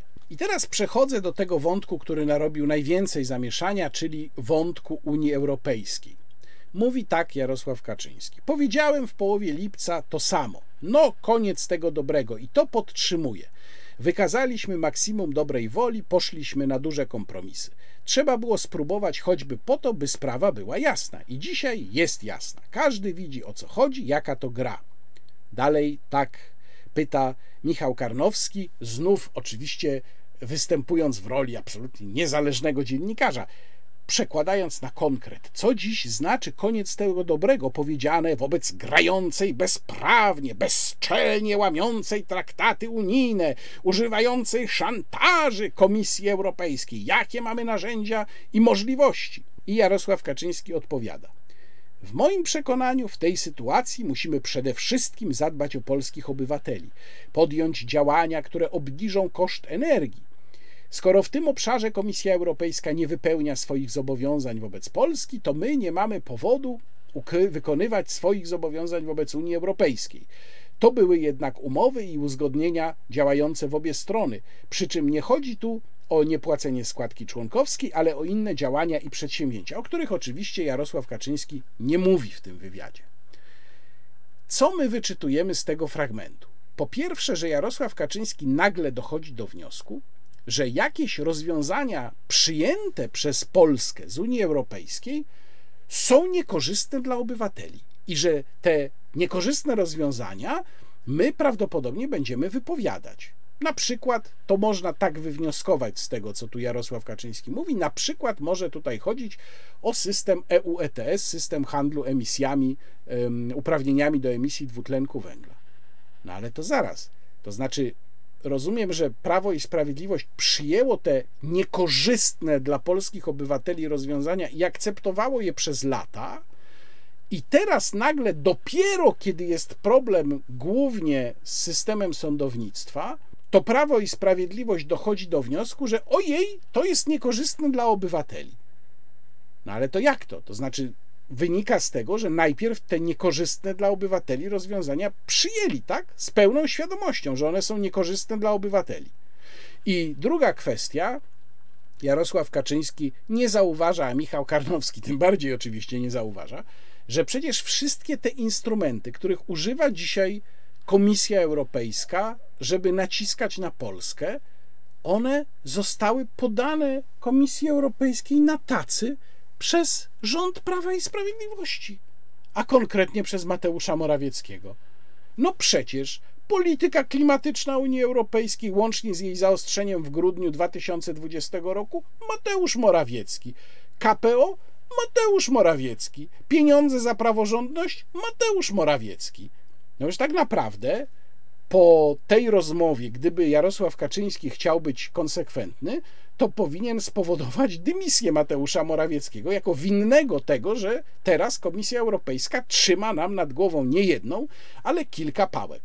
Natomiast rzecz jasna, Jarosław Kaczyński co do diagnozy kierunku, w którym posuwa się Unia Europejska, ma tutaj rację. Ja sam zresztą mówię bardzo wyraźnie, że koncepcja odejścia od jednomyślności we wszystkich sprawach, w tym dotyczących polityki zagranicznej i obrony, którą to koncepcję promuje e, Ursula von der Leyen i Olaf Scholz, jest absolutnie nieakceptowalna. To jest ta granica, za którą posunąć się nie można, bo to by oznaczało de facto zmianę Unii Europejskiej w państwo federalne, chociaż nie byłoby o tym mowy, ale dokładnie taki właśnie byłby skutek tej zmiany. No i wreszcie kolejna kwestia finansowa, mówi Michał Karnowski usłużnie znów, ogólnoświatowa inflacja uderza dziś w portfele Polaków. Proszę pamiętać, ogólnoświatowa Stąd nasza taktyka walki z tym nieszczęściem opiera się z jednej strony na jej hamowaniu, z drugiej zaś obniżki podatków, energiczne działania na rynku energii, paliw, dostaw surowców, wakacje kredytowe i inna pomoc skierowana do grup najbardziej narażonych. Robimy wszystko, by jak najszybciej została zbita ta inflacja i by jej dolegliwość dla obywateli zmniejszyć ale musimy pamiętać, że jej źródłami są pandemia i wojna. Jest problemem na całym świecie. No znów wciskanie kitu oczywiście, bo rzecz jasna, Y, wojna jakieś znaczenie ma. Co do pandemii, to już tutaj się nie wypada zgodzić, tłumaczyłem to wielokrotnie.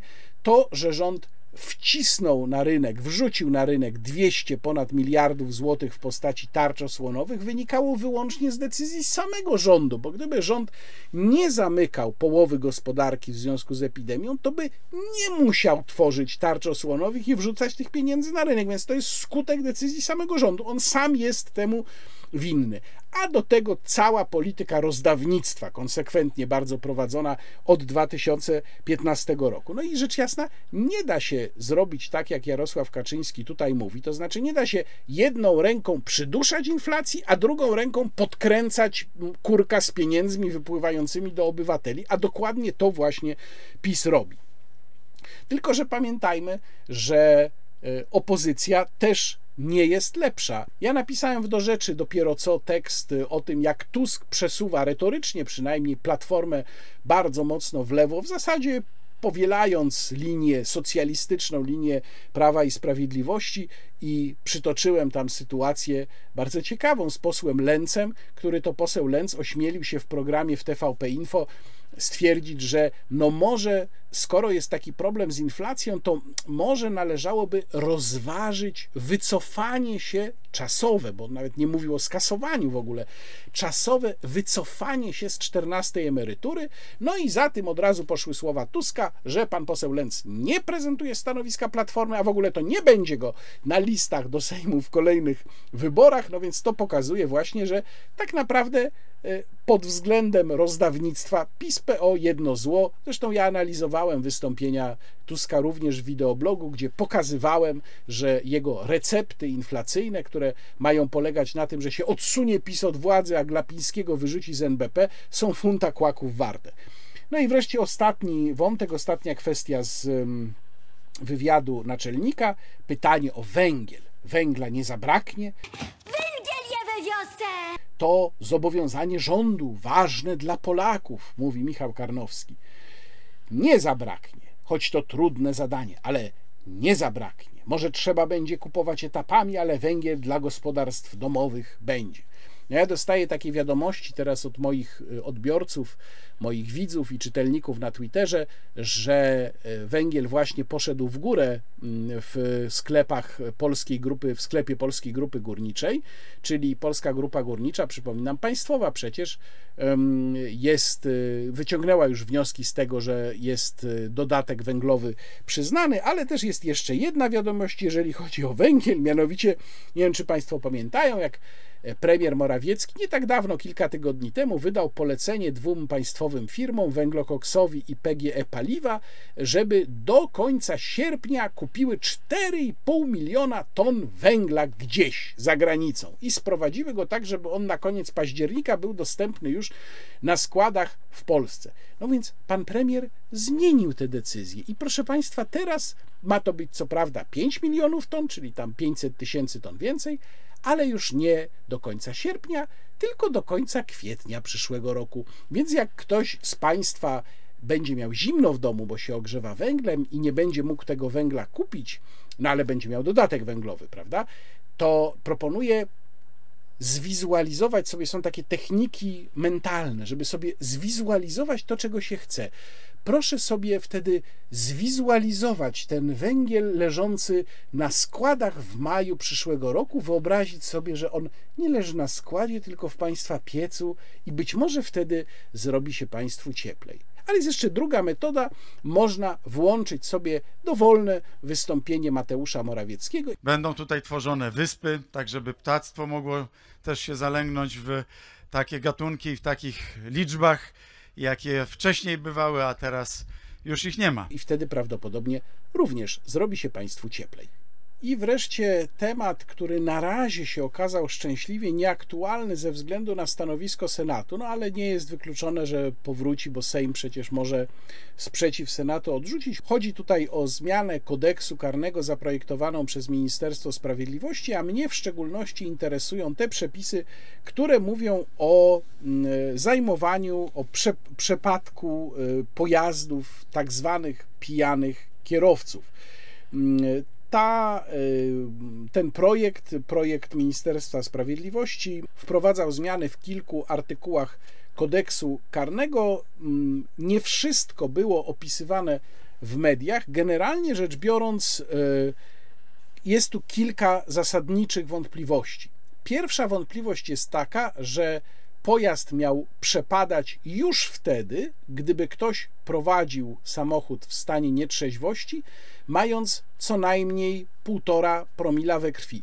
Czyli traciłby pojazd, mimo że nie spowodował nawet żadnego zagrożenia. Oczywiście potencjalnym zagrożeniem jest prowadzenie z taką zawartością alkoholu we krwi, ale można sobie wyobrazić sytuację, że ktoś na pruty wsiada za kierownicę i przejeżdża 10 metrów po publicznej drodze, wyjeżdżając na przykład z jednego zabudowania i wjeżdżając na parking na drugim, i tu już może stracić samochód. W przypadku, gdyby doszło do wypadku i tam jest odwołanie do odpowiednich artykułów w kodeksie karnym, mówiących między innymi o sprowadzeniu niebezpieczeństwa, katastrofy w ruchu lądowym, to wtedy wystarczyłoby pół promila alkoholu we krwi, żeby orzec przypadek takiego pojazdu. No i tutaj już też są wątpliwości, bo przecież wiemy, że te limity alkoholu są ustanawiane bardzo arbitralnie i one w niektórych krajach y, są wyższe, na przykład 0,8 promila, a tutaj już pół promila oznaczałoby utratę pojazdu. Podobnie byłoby w przypadku recydywistów. Tam wystarczyłoby mieć pół promila e, albo na przykład prowadzić w okresie, kiedy ma się zakaz prowadzenia pojazdów mechanicznych, pół promila, żeby stracić pojazd, niezależnie od tego, czy spowodowałoby się wypadek, czy nie. Okazało się, że Ministerstwo Sprawiedliwości wzięło pod uwagę podstawowe zastrzeżenie, które było zgłaszane do tego rozwiązania jeszcze zanim ono zostało zaprojektowane, to znaczy wzięło pod uwagę kwestię tego, że pojazd może nie być własnością tego, kto nim kieruje. No i rzeczywiście jest w tej nowelizacji odpowiedź na to, to znaczy, czytamy tutaj tak, to jest zmiana polegająca na dodaniu artykułu w kodeksie karnym, artykułu 44b.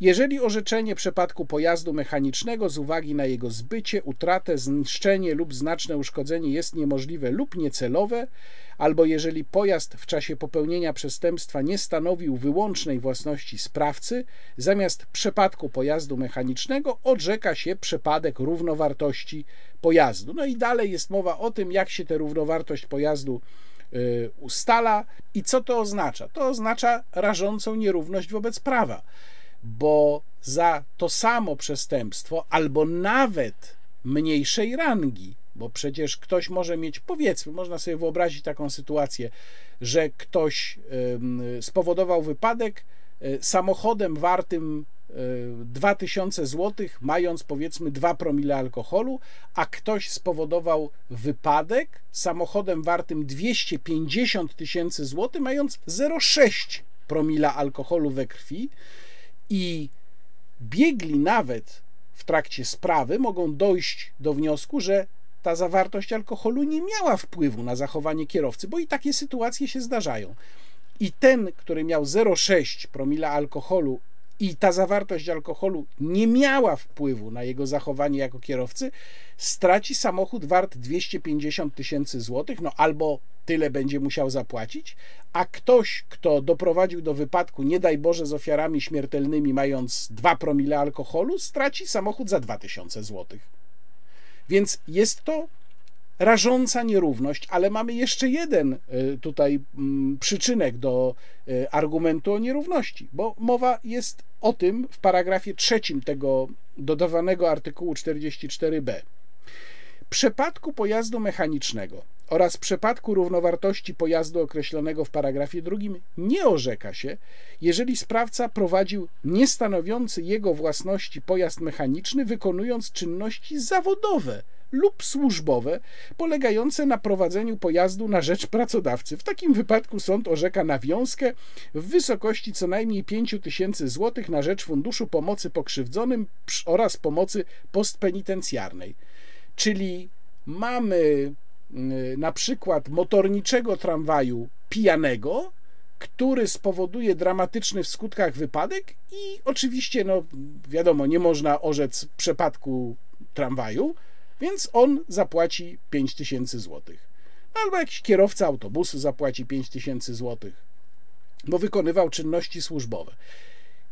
Ten przepis prowadzi do absolutnie rażących nierówności w wymierzeniu kary.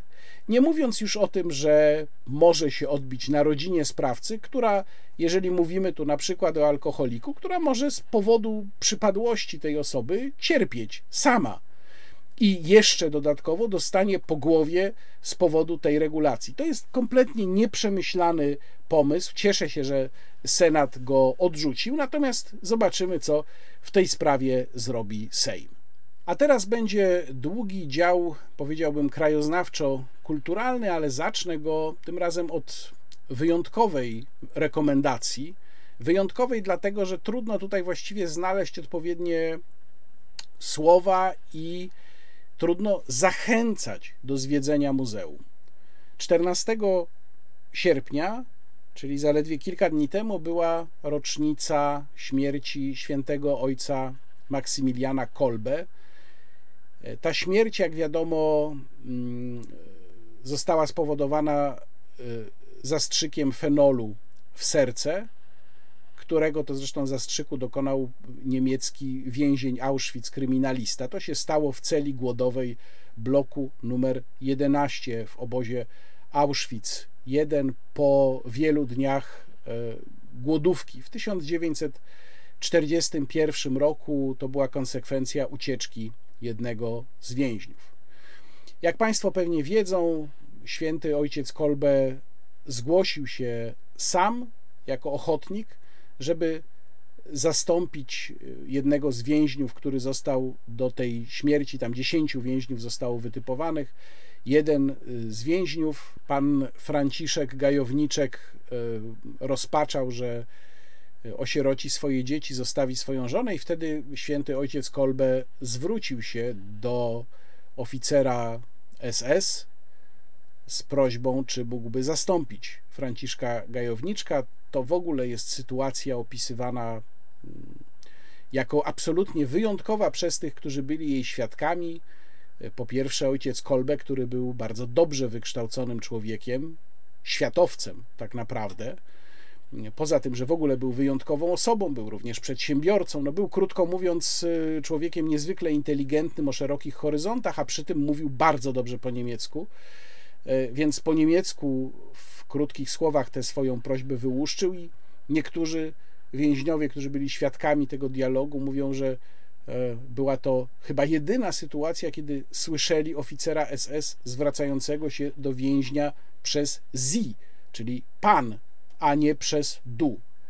Ojciec Kolbe e, dostał zgodę, no i właśnie konsekwencją tego była jego śmierć w tym bunkrze, a właściwie to jest cela głodowa w bloku numer 11. Mówię o tym dlatego, że właśnie zdarzyło mi się być w obozie Auschwitz, zwiedzić to muzeum, bo jest to muzeum niemieckiego obozu koncentracyjnego Auschwitz i to miejsce Państwu polecam.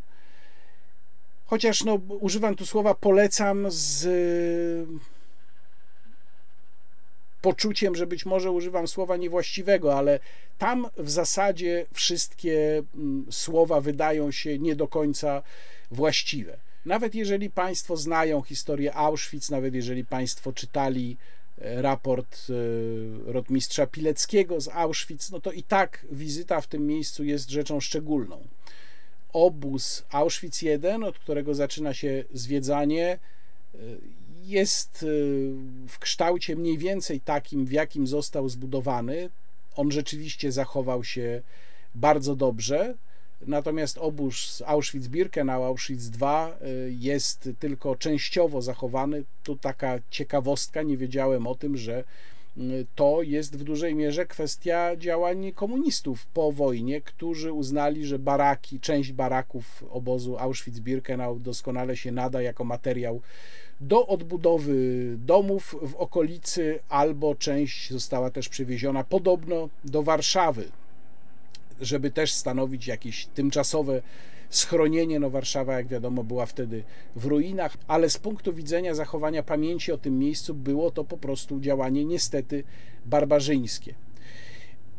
A zatem, jeżeli będą Państwo w Krakowie, Auschwitz jest kilkadziesiąt kilometrów od Krakowa, jedzie się tam autostradą dosyć szybko, warto przyjechać y, na kilka godzin. Zwiedzanie trwa dosyć długo. Jeżeli by chcieli Państwo obejść obóz sami. Tam w Auschwitz I w poszczególnych blokach są wystawy dotyczące eksterminacji e, obywateli różnych krajów. E, to wtedy muszą Państwo poświęcić na to dużo czasu. Są zresztą takie mm, wycieczki studyjne, które trwają dłużej niż te standardowe, powiedzmy 3 do 4 godzin.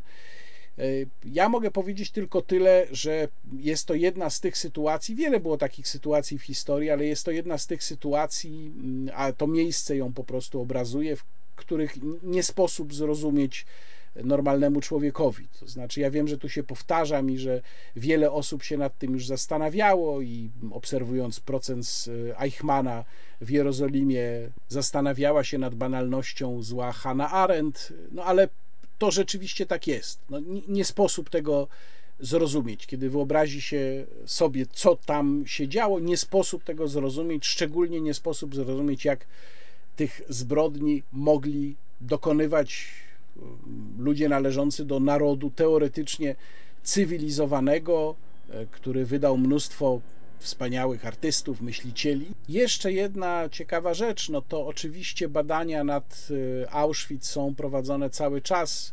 Podobno wciąż odkrywa się w pozostawionych przedmiotach, które tam zostały znalezione, jakieś tajemnice. Zdarza się, że gdzieś odkrywa się jakieś ukryte zapiski w trakcie konserwacji tych przedmiotów, a także w ciągu wielu lat po 1945 roku e, została zweryfikowana początkowo podawana liczba ofiar Auschwitz, co oczywiście nie zmienia strasznej natury tego miejsca, natomiast ona tam chyba z ponad 4 milionów, które były wyłącznie na podstawie bardzo zgrubnych szacunków i relacji więźniów, zeszła do około 1,5 miliona ludzi, no ale tak czy owak, tak naprawdę nie ma to żadnej, żadnego znaczenia, nie robi to żadnej różnicy, bo była to po prostu fabryka śmierci i samo w sobie jest to przerażające. A teraz już y, rekomendacja taka standardowa, e, bardzo mocna. Polecam Państwu Muzeum Lotnictwa Polskiego w Krakowie, które miałem okazję po raz pierwszy odwiedzić. Polecam je rzeczywiście bardzo mocno, bo jest to jedno z najlepszych, najciekawszych muzeów, które kiedykolwiek zdarzyło mi się odwiedzić. Y, oczywiście ono jest atrakcyjne głównie dla tych, którzy lubią zabytki techniki. Jeżeli Państwo lubią zabytki techniki, to bardzo mocno polecam. To jest y, muzeum, które mieści się na terenie dawnego lotniska Rakowice-Czyżyny, które zostało zamknięte na początku lat 60. i w 63 roku zaczęto tam zwozić pierwsze eksponaty. No, muzeum przechodziło różne koleje losu. W tej chwili ono ma duży teren i y, ekspozycja mieści się w nowym budynku który jak się spojrzy na niego z góry, z lotu ptaka, to kształt przypomina śmigło, a także w kilku y, hangarach, bo jednak jest to teren dawnego lotniska, więc hangary tam również są. Y, tu jeszcze jedna ciekawostka i przy okazji rekomendacja, właśnie mm, inspirację z tego krakowskiego Muzeum Lotnictwa bierze jeden z moich ulubionych vlogerów, pan Marek Siuta, który prowadzi kanał na YouTubie Zabytki Nieba. Link do kanału zamieszczam w opisie filmu i bardzo polecam filmy pana Marka. Są bardzo dobrze udokumentowane. Pan Marek zdobywa wiedzę, kupując różnego rodzaju prospekty, dawne albumy, czasopisma, dokumentacje tych e, projektów, tych e, samolotów, helikopterów, o których opowiada. Muzeum składa się, jak powiedziałem, z kilku miejsc. Ta ekspozycja jest w kilku miejscach i wszystkie warto zobaczyć, ale od razu mówię, proszę na to przeznaczyć. Jeżeli są Państwo dokładnymi oglądaczami, no to dobrych kilka godzin. Myślę, że to jest minimum 4 do 5 godzin zwiedzania, bo po pierwsze mamy tę główną wystawę, główny budynek, od którego się zaczyna zwiedzanie. Po drugie, mamy w tak zwanym małym hangarze bardzo ciekawą wystawę Skrzydła Wielkiej Wojny, pokazującą lotnictwo z okresu I wojny mm, światowej. Potem mamy hangar główny, i to jest y, naprawdę wielka wystawa, której wielkość i obfitość można docenić, kiedy się wejdzie na antresolę i z tej antresoli z góry patrzy się na ustawione tam samoloty. Tam są najsłynniejsze samoloty, które Państwo pewnie znają z różnych filmów, także z internetu. Czytali Państwo o nich, czyli jest i Spitfire, Supermarine Spitfire i Messerschmitt Bf-109, słynny trzysilnikowy Junkers Ju-52, e, jest dużo współczesnych, bardziej współczesnych samolotów, jest słynny szturmowik sowiecki, no tam naprawdę jest tego po prostu mnóstwo, to można wręcz dostać oczopląsu od obfitości, jak się na to patrzy. Dla pasjonatów, myślę, lotnictwa, bardziej może niż dla przeciętnych zwiedzających, ale też warto tam zajrzeć, jest silnikownia, po prostu kolekcja silników lotniczych.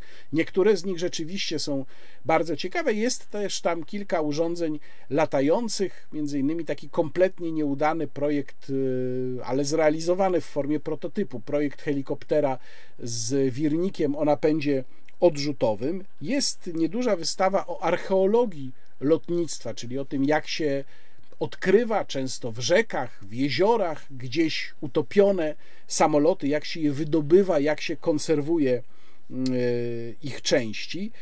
Jest wystawa pionierzy lotnictwa, na której można zobaczyć eksponaty w formie z której już nie dało się ich odrestaurować, czyli takie powiedziałbym zakonserwowane ruiny, ale tam jest też dużo interesujących egzemplarzy. No i jest oczywiście na płycie lotniska wystawa e, plenerowa, tam są również niektóre z najsłynniejszych modeli, słynny Antek, czyli An-2. Ja pamiętam jeszcze z czasów dzieciństwa, jak na lotnisku Lublinek, niedaleko mojego domu w Łodzi, e, Antki właśnie startowały i wyskakiwali z nich spadochroniarze. Jest w różnych wersjach e, słynny, produkowany na licencji w Polsce helikopter Mi-2. Mm, jest rolniczy samolot polskiej produkcji Kruk. Jest też polskiej produkcji dziwactwo nazywane Belfegor. To bardzo interesujący przypadek. To był odrzutowy agrosamolot, który był kompletnie nieudaną konstrukcją. Okazało się, że ten napęd odrzutowy zupełnie się nie sprawdza przy tego rodzaju samolocie. Z ciekawostek, które można w tym muzeum znaleźć, oczywiście jest ich w ogóle mnóstwo, ale chciałbym zwrócić Państwa uwagę na dwa wątki. Jeden to jest wątek ucieczek za pomocą samolotów, i tutaj szczególnie interesująca sprawa stoi w tym muzeum samolot Kukułka. Ten samolot Kukułka to był własnej konstrukcji stworzony przez pana Eugeniusza Pieniążka samolot, którym pan Pieniążek we wrześniu 1971 roku, lecąc na bardzo niedużej wysokości dwudziestu paru metrów, tak żeby pozostać poza zasięgiem radarów, w fatalnej pogodzie z południa Polski przeleciał aż do Jugosławii, uciekając z PRL-u. E, tam w tej Jugosławii przesiedział no, jako nielegalny imigrant kilka miesięcy w więzieniu, potem przez Austrię trafił do Szwecji, do tej Szwecji sprowadził swoją żonę i dziecko, a potem sprowadzili razem już do Szwecji właśnie kukułkę z Jugosławii. I ta kukułka tam została odremontowana i jeszcze w Szwecji latała, a potem trafiła właśnie do Muzeum Lotnictwa Polskiego w Krakowie. No i to jest ciekawa historia, która też pokazuje, jak e, bardzo ludziom zależało na tym, żeby się z PRL-u wyrwać, bo przecież takich lotniczych ucieczek mm, było dużo. One czasem się odbywały właśnie w samolotach własnej konstrukcji, e, czasem się odbywały w samolotach wojskowych. Takich ucieczek również było kilka. Państwo zobaczą jest tam y, samolot y, Bies, taki samolot y, wojskowy, którym pewien major Wojska Polskiego w 1963 roku E, uciekł wraz ze swoją żoną i dwoma synami, a to jest samolot dwumiejscowy, więc to w ogóle jest ciekawe. Ja się zawsze zastanawiałem, czytając o tej ucieczce, jak oni się tam zmieścili. I drugi interesujący y, wątek, który się tam przewija, no też taki właśnie dotyczący PRL-u. Jak Państwo będą czytać informacje o poszczególnych samolotach, niektóre z nich produkcji zachodniej, amerykańskiej trafiły po wojnie do Polski ramach różnych programów pomocowych. I w wielu przypadkach jest tam mowa o tym, że po kilku latach zostały zezłomowane nie dlatego, że się przestały sprawdzać, nie dlatego, że resurs im się skończył albo że nie dało się ich naprawiać, ale wyłącznie dlatego, że były niesłuszne ideologicznie. No to pokazuje, jak paranoicznym, chorym państwem była komunistyczna Polska. Polecam Muzeum Lotnictwa Polskiego w Krakowie. I wreszcie najważniejsza dla mnie osobiście również sprawa w dziale kulturalnym. Muszę Państwu opowiedzieć o festiwalu Muzyka Divina, który co prawda skończył się już ponad tydzień temu, ale ja jestem cały czas pod jego wrażeniem. Byłem na całym festiwalu tym razem, festiwalu organizowanym przez Fundację Incanto, której jestem ambasadorem, ale to, co tutaj mówię, nie wynika z tego, że jestem ambasadorem fundacji, tylko odwrotnie. Jestem ambasadorem fundacji, dlatego że tak właśnie odbieram ich działania, jak tutaj będę Państwu opowiadał. Napisałem o festiwalu Muzyka Divina dwa teksty. Jeden jest w Salonie 24, drugi w magazynie Kontra. Do obu tekstów załączam linki i zachęcam do lektury, ale to jest też tak, że nie będąc na tym festiwalu przez sześć dni, nie chodząc na koncerty, no nie sposób sobie wyobrazić tego wrażenia, tych emocji, których festiwal dostarczał. Mm, ponieważ festiwal Muzyka Divina jest z założenia festiwalem muzyki dawnej, ale muzyki w jakiś sposób religijnej, związanej z liturgią, związanej z Kościołem, więc tematem w tym roku były ciemne jutrznie, tenebre, nabożeństwo bardzo popularne wśród kompozytorów, które w XVII wieku, XVIII wieku przyciągało często tłumy właśnie ze względu na wykonywane wtedy kompozycje, kompozycje właśnie ciemnych jutrzni e, tworzyli innymi François Couperin czy Marc-Antoine Charpentier, najwybitniejsi francuscy kompozytorzy e, baroku. Y, w książce festiwalowej, którą Państwu polecam, a która jak zwykle w przypadku Fundacji Incanto i y, Festiwalu Muzyka Divina jest bardzo solidnym wydawnictwem. To nie jest taka książeczka z programem, tylko tutaj naprawdę można przeczytać mnóstwo ciekawych rzeczy y, i można było między innymi przeczytać tutaj bardzo solidną analizę lamentacji jeremiaszowych, które są częścią właśnie Ciemnych Juczni i które były wykonywane na koncertach festiwalowych. Trudno mi opowiadać o festiwalu, do którego mam tak silny, emocjonalny stosunek, gdzie jestem zaangażowany osobiście, y, i trudno by mi było tutaj wybrać jakiś jeden punkt. No ale jednak wybrałem dwa punkty, dwa koncerty, o których chciałbym Państwu opowiedzieć, co nie znaczy, że inne były gorsze, wszystkie były wspaniałe, natomiast te dwa szczególnie zapadły mi w pamięć. Pierwszy, i to jest zdecydowanie odkrycie tego festiwalu, to był koncert e, estońskiej grupy Lina Musikut. E, to jest zespół pod kierownictwem charyzmatycznego Taiwo Nitwegiego, zresztą w tym zespole mm, e, śpiewa innymi córka Taiwo Nitwegiego i to jest absolutnie wyjątkowa muzyka. Oni śpiewali e, częściowo estońskie, tradycyjne chorały po estońsku, co też dodaje w mm, ciemnej świątyni, odpowiednio oświetlonej, dodaje takiego bardzo specyficznego nastroju a do tego kompozycje Wacława Szamotu i Mikołaja Zieleńskiego, dwóch e, polskich wybitnych kompozytorów. To, co wykonali na festiwalu Lina Musikut, to był materiał z ich nowej płyty. I tu uwaga, to jest płyta, którą nie tylko wydała Fundacja Incanto, która taką działalność wydawniczą również prowadzi, ale przede wszystkim to właśnie szefostwo fundacji, Łukasz Serwiński, twórca Fundacji Incanto, namówił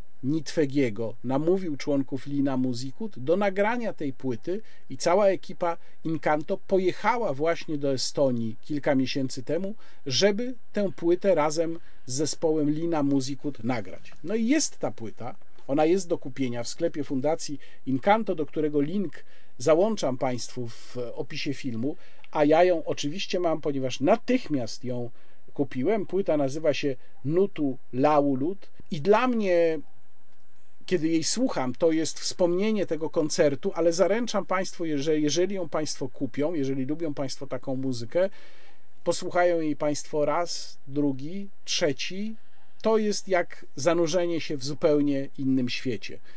Mam nadzieję, że Lina Musikut, której już było w Polsce zresztą kilka lat temu, nawet na, na festiwalu, chyba na drugiej edycji festiwalu Muzyka Divina, jeszcze do nas przyjedzie, bo bardzo chciałbym ich znowu usłyszeć na żywo. I drugi koncert, który mi zapadł w pamięć, to był kameralny koncert. On miał rangę wydarzenia towarzyszącego.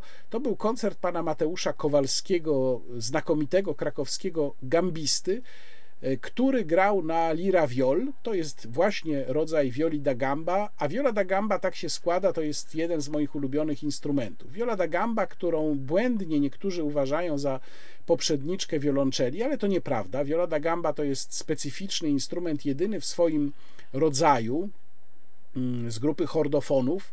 Viola da Gamba, mm, laik może ją poznać po tym, że ona wygląda, przypomina zewnętrznie wiolonczele, natomiast ma na gryfie progi. Ale dźwięk jej jest, no, nie mogę powiedzieć, że zupełnie inny niż dźwięk wiolonczeli, ale zasadniczo odmienny. To był bardzo popularny domowy instrument do domowego muzykowania w XVI-XVII wieku przede wszystkim w Anglii i właśnie do angielskich kompozytorów pan Mateusz Kowalski w czasie tego koncertu, e, który był zresztą przetykany jego opowieścią o Violi da Gamba i o muzyce komponowanej na Viole da Gamba. E, właśnie do nich się głównie odwoływał i grał ich kompozycje, przy okazji zapoznając publiczność z techniką skordatury, czyli dostrajania, przestrajania instrumentu mm, do odpowiednich kompozycji, to również była praktyka, którą e, uprawiali kompozytorzy, czy zalecali, komponowali w ten sposób kompozytorzy komponujący na skrzypce, na przykład Heinrich Ignaz Franz Biber też stosował skordaturę, no ale tutaj to była skordatura na wiole mm, da gamba, a dokładnie wiole lir. I ważna sprawa, część tych utworów, które pan Mateusz Kowalski zagrał na tym bardzo pięknym, kameralnym koncercie, to były utwory z takiej znowu płyty, znów wydanej przez Fundację Incanto, i ona w sklepie Fundacji Incanto jest, czyli antologia Lira Viol. To jest y, album dwupłytowy pana Mateusza Kowalskiego, y, gdzie jest kilkadziesiąt utworów, które y, właśnie też oparte są, część z nich oparta jest na technice skordatury. Y, No i wreszcie jeszcze jedna rzecz, którą bardzo chciałbym Państwu polecić y, od Fundacji Incanto i też jest w sklepie Fundacji i to jest sukces, no może ja mogę powiedzieć, że troszeczkę się czuję jego ojcem, dlatego że polecałem Państwu tyle razy w swoim wideoblogu zbiórkę na ten cel. Jest, proszę Państwa, jest. Zbiórka się udała, jest książka Rogera Scrutona, druga książka po muzyka jest ważna, tamta w granatowej okładce, a tu mamy książkę Zrozumieć muzykę. Zrozumieć muzykę wydane przez Fundację Incanto. Bardzo serdecznie polecam. Wszystkie te rzeczy, obie płyty, książka Rogera Scrutona, wydane przez Fundację Incanto i do kupienia w sklepie Fundacji Incanto. Ale tutaj muszę jeszcze opowiedzieć o panelu, który miałem przyjemność poprowadzić w ramach festiwalu jako wydarzenie towarzyszące. Było to w piątek i panel dotyczył idei festiwalu społecznego, e, którą Fundacja Incanto stara się realizować od e, mniej więcej dwóch lat, czyli zachęcać uczestników festiwalu Muzyka Divina do tego, żeby zaczęli partycypować finansowo, ale nie tylko, bo również jeżeli chodzi o pomoc innego rodzaju w tworzeniu festiwalu. Ten pomysł festiwalu społecznego wziął się z takiej konkluzji, że trudno jest utrzymać tego typu imprezę w oparciu o dotacje publiczne. I rzeczywiście Fundacja Incanto miała z tym, jak co roku właściwie, problem, również w tym roku, więc ja podziwiam naprawdę ludzi e, z fundacją związanych, że e, udało im się to wszystko doprowadzić do końca i dopiąć. Tutaj widzą Państwo zdjęcia z panelu, który miałem przyjemność poprowadzić, zdjęcia pani Pauliny Krzyżak, jednej z dwojga fotografów, którzy fotografują festiwal Incanto. Pani Paulina fotografowała festiwal już w zeszłym roku. Pan Piotr Łysakowski jest stałym fotografem. Mogą Państwo na profilu facebookowym Fundacji Incanto znaleźć zdjęcia i pana Piotra Łysakowskiego i pani Pauliny Krzyżak, których oboje bardzo serdecznie pozdrawiam, bo ich zdjęcia są znakomite i oddają świetnie atmosferę, która panuje w czasie festiwalu. Nawiasem mówiąc, pan Piotr Łysakowski będzie w kolejną środę moim gościem będzie opowiadał o pracy fotografa wojskowego również, a zwłaszcza robiącego zdjęcia lotnicze, będzie opowiadał w moim programie Polska na serio, więc od razu już teraz zapraszam. Ale wracam do panelu o festiwalu społecznym. W czasie tego panelu rozmawialiśmy o tym, jak wygląda wsparcie publiczne, i konkluzja nie jest wesoła. W zasadzie niezależnie od tego, czy to jest festiwal taki jak y, Misteria Paschalia, krakowski festiwal utrzymywany głównie z pieniędzy miasta Krakowa, dla którego dotacje państwowe no nie są być, a nie być. Czy to jest festiwal taki jak Muzyka Divina, dla którego te dotacje niestety często decydują o tym, czy w ogóle można o nim myśleć. Te mechanizmy, które obowiązują, które działają w tej chwili, a właściwie głównie nie działają, do niczego się nie nadają. One nie uwzględniają ani kalendarza artystycznego, ani konieczności planowania z dużym wyprzedzeniem, ani tego, że wiele festiwali bez wiedzy o tym, czy dostaną pieniądze, po prostu nie może planować na najbliższego, już nie mówiąc o dalszych, najbliższego wydarzenia.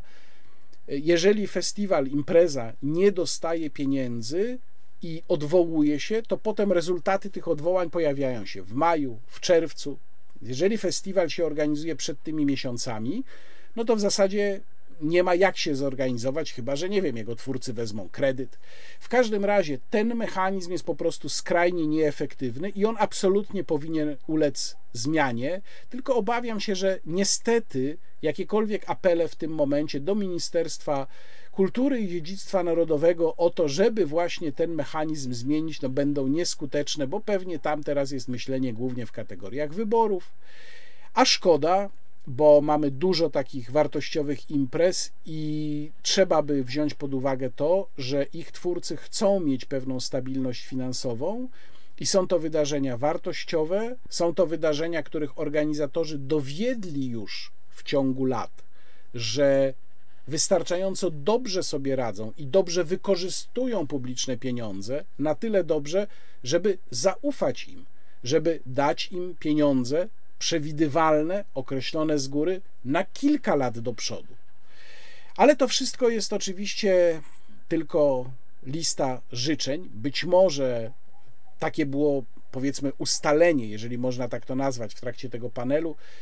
Być może organizatorzy poszczególnych festiwali zdołają się jakoś zjednoczyć, zdołają opracować swoje postulaty, przekazać je ministerstwu i być może wtedy coś się zmieni. Natomiast na razie pozostaje mi tylko zachęcić Państwa bardzo serdecznie do wspierania Fundacji Incanto, do zostania patronem festiwalu Muzyka Divina, patronem Fundacji Incanto. Wtedy będą Państwo mieli dostęp do różnych specjalnych korzyści, bo patroni są traktowani, są wyróżniani przez Fundację Incanto, a także przypominam, że na przełomie września i października na Podkarpaciu Fundacja Incanto organizuje festiwal Rezonanse. To jest krótki festiwal, krótszy niż, niż Muzyka Divina. On trwa trzy dni, to jest weekend, piątek, sobota, niedziela okolice Sanoka, a nawet na południe od Sanoka. Ja się na pewno wybieram, to już mam absolutnie zaplanowane. Będę na tym festiwalu, ponieważ atmosfera na festiwalu Rezonanse jest też wyjątkowa. Tak jak wyjątkowa jest atmosfera na Muzyka Divina w krakowskich kościołach, to tam również kościołach, zabytkowych kościołach, które czasem stoją po prostu pośrodku niczego, atmosfera przy słuchaniu muzyki jest też absolutnie wyjątkowa, a zatem zachęcam również, mm, będę jeszcze o tym przypominał w, z odpowiednim wyprzedzeniem na stronach Fundacji Incanto pojawią, pojawi się informacja o wejściówkach na poszczególne koncerty. I proszę pamiętać o ludziach, którym się chce. Tak zatytułowałem swój tekst o festiwalu, jeden ze swoich tekstów o festiwalu Muzyka Divina, o ludziach, którym się chce, im się chce i oby chciało im się jak najdłużej, ale to również zależy od nas, słuchaczy, odbiorców tego typu wydarzeń, wielbicieli muzyki dawnej.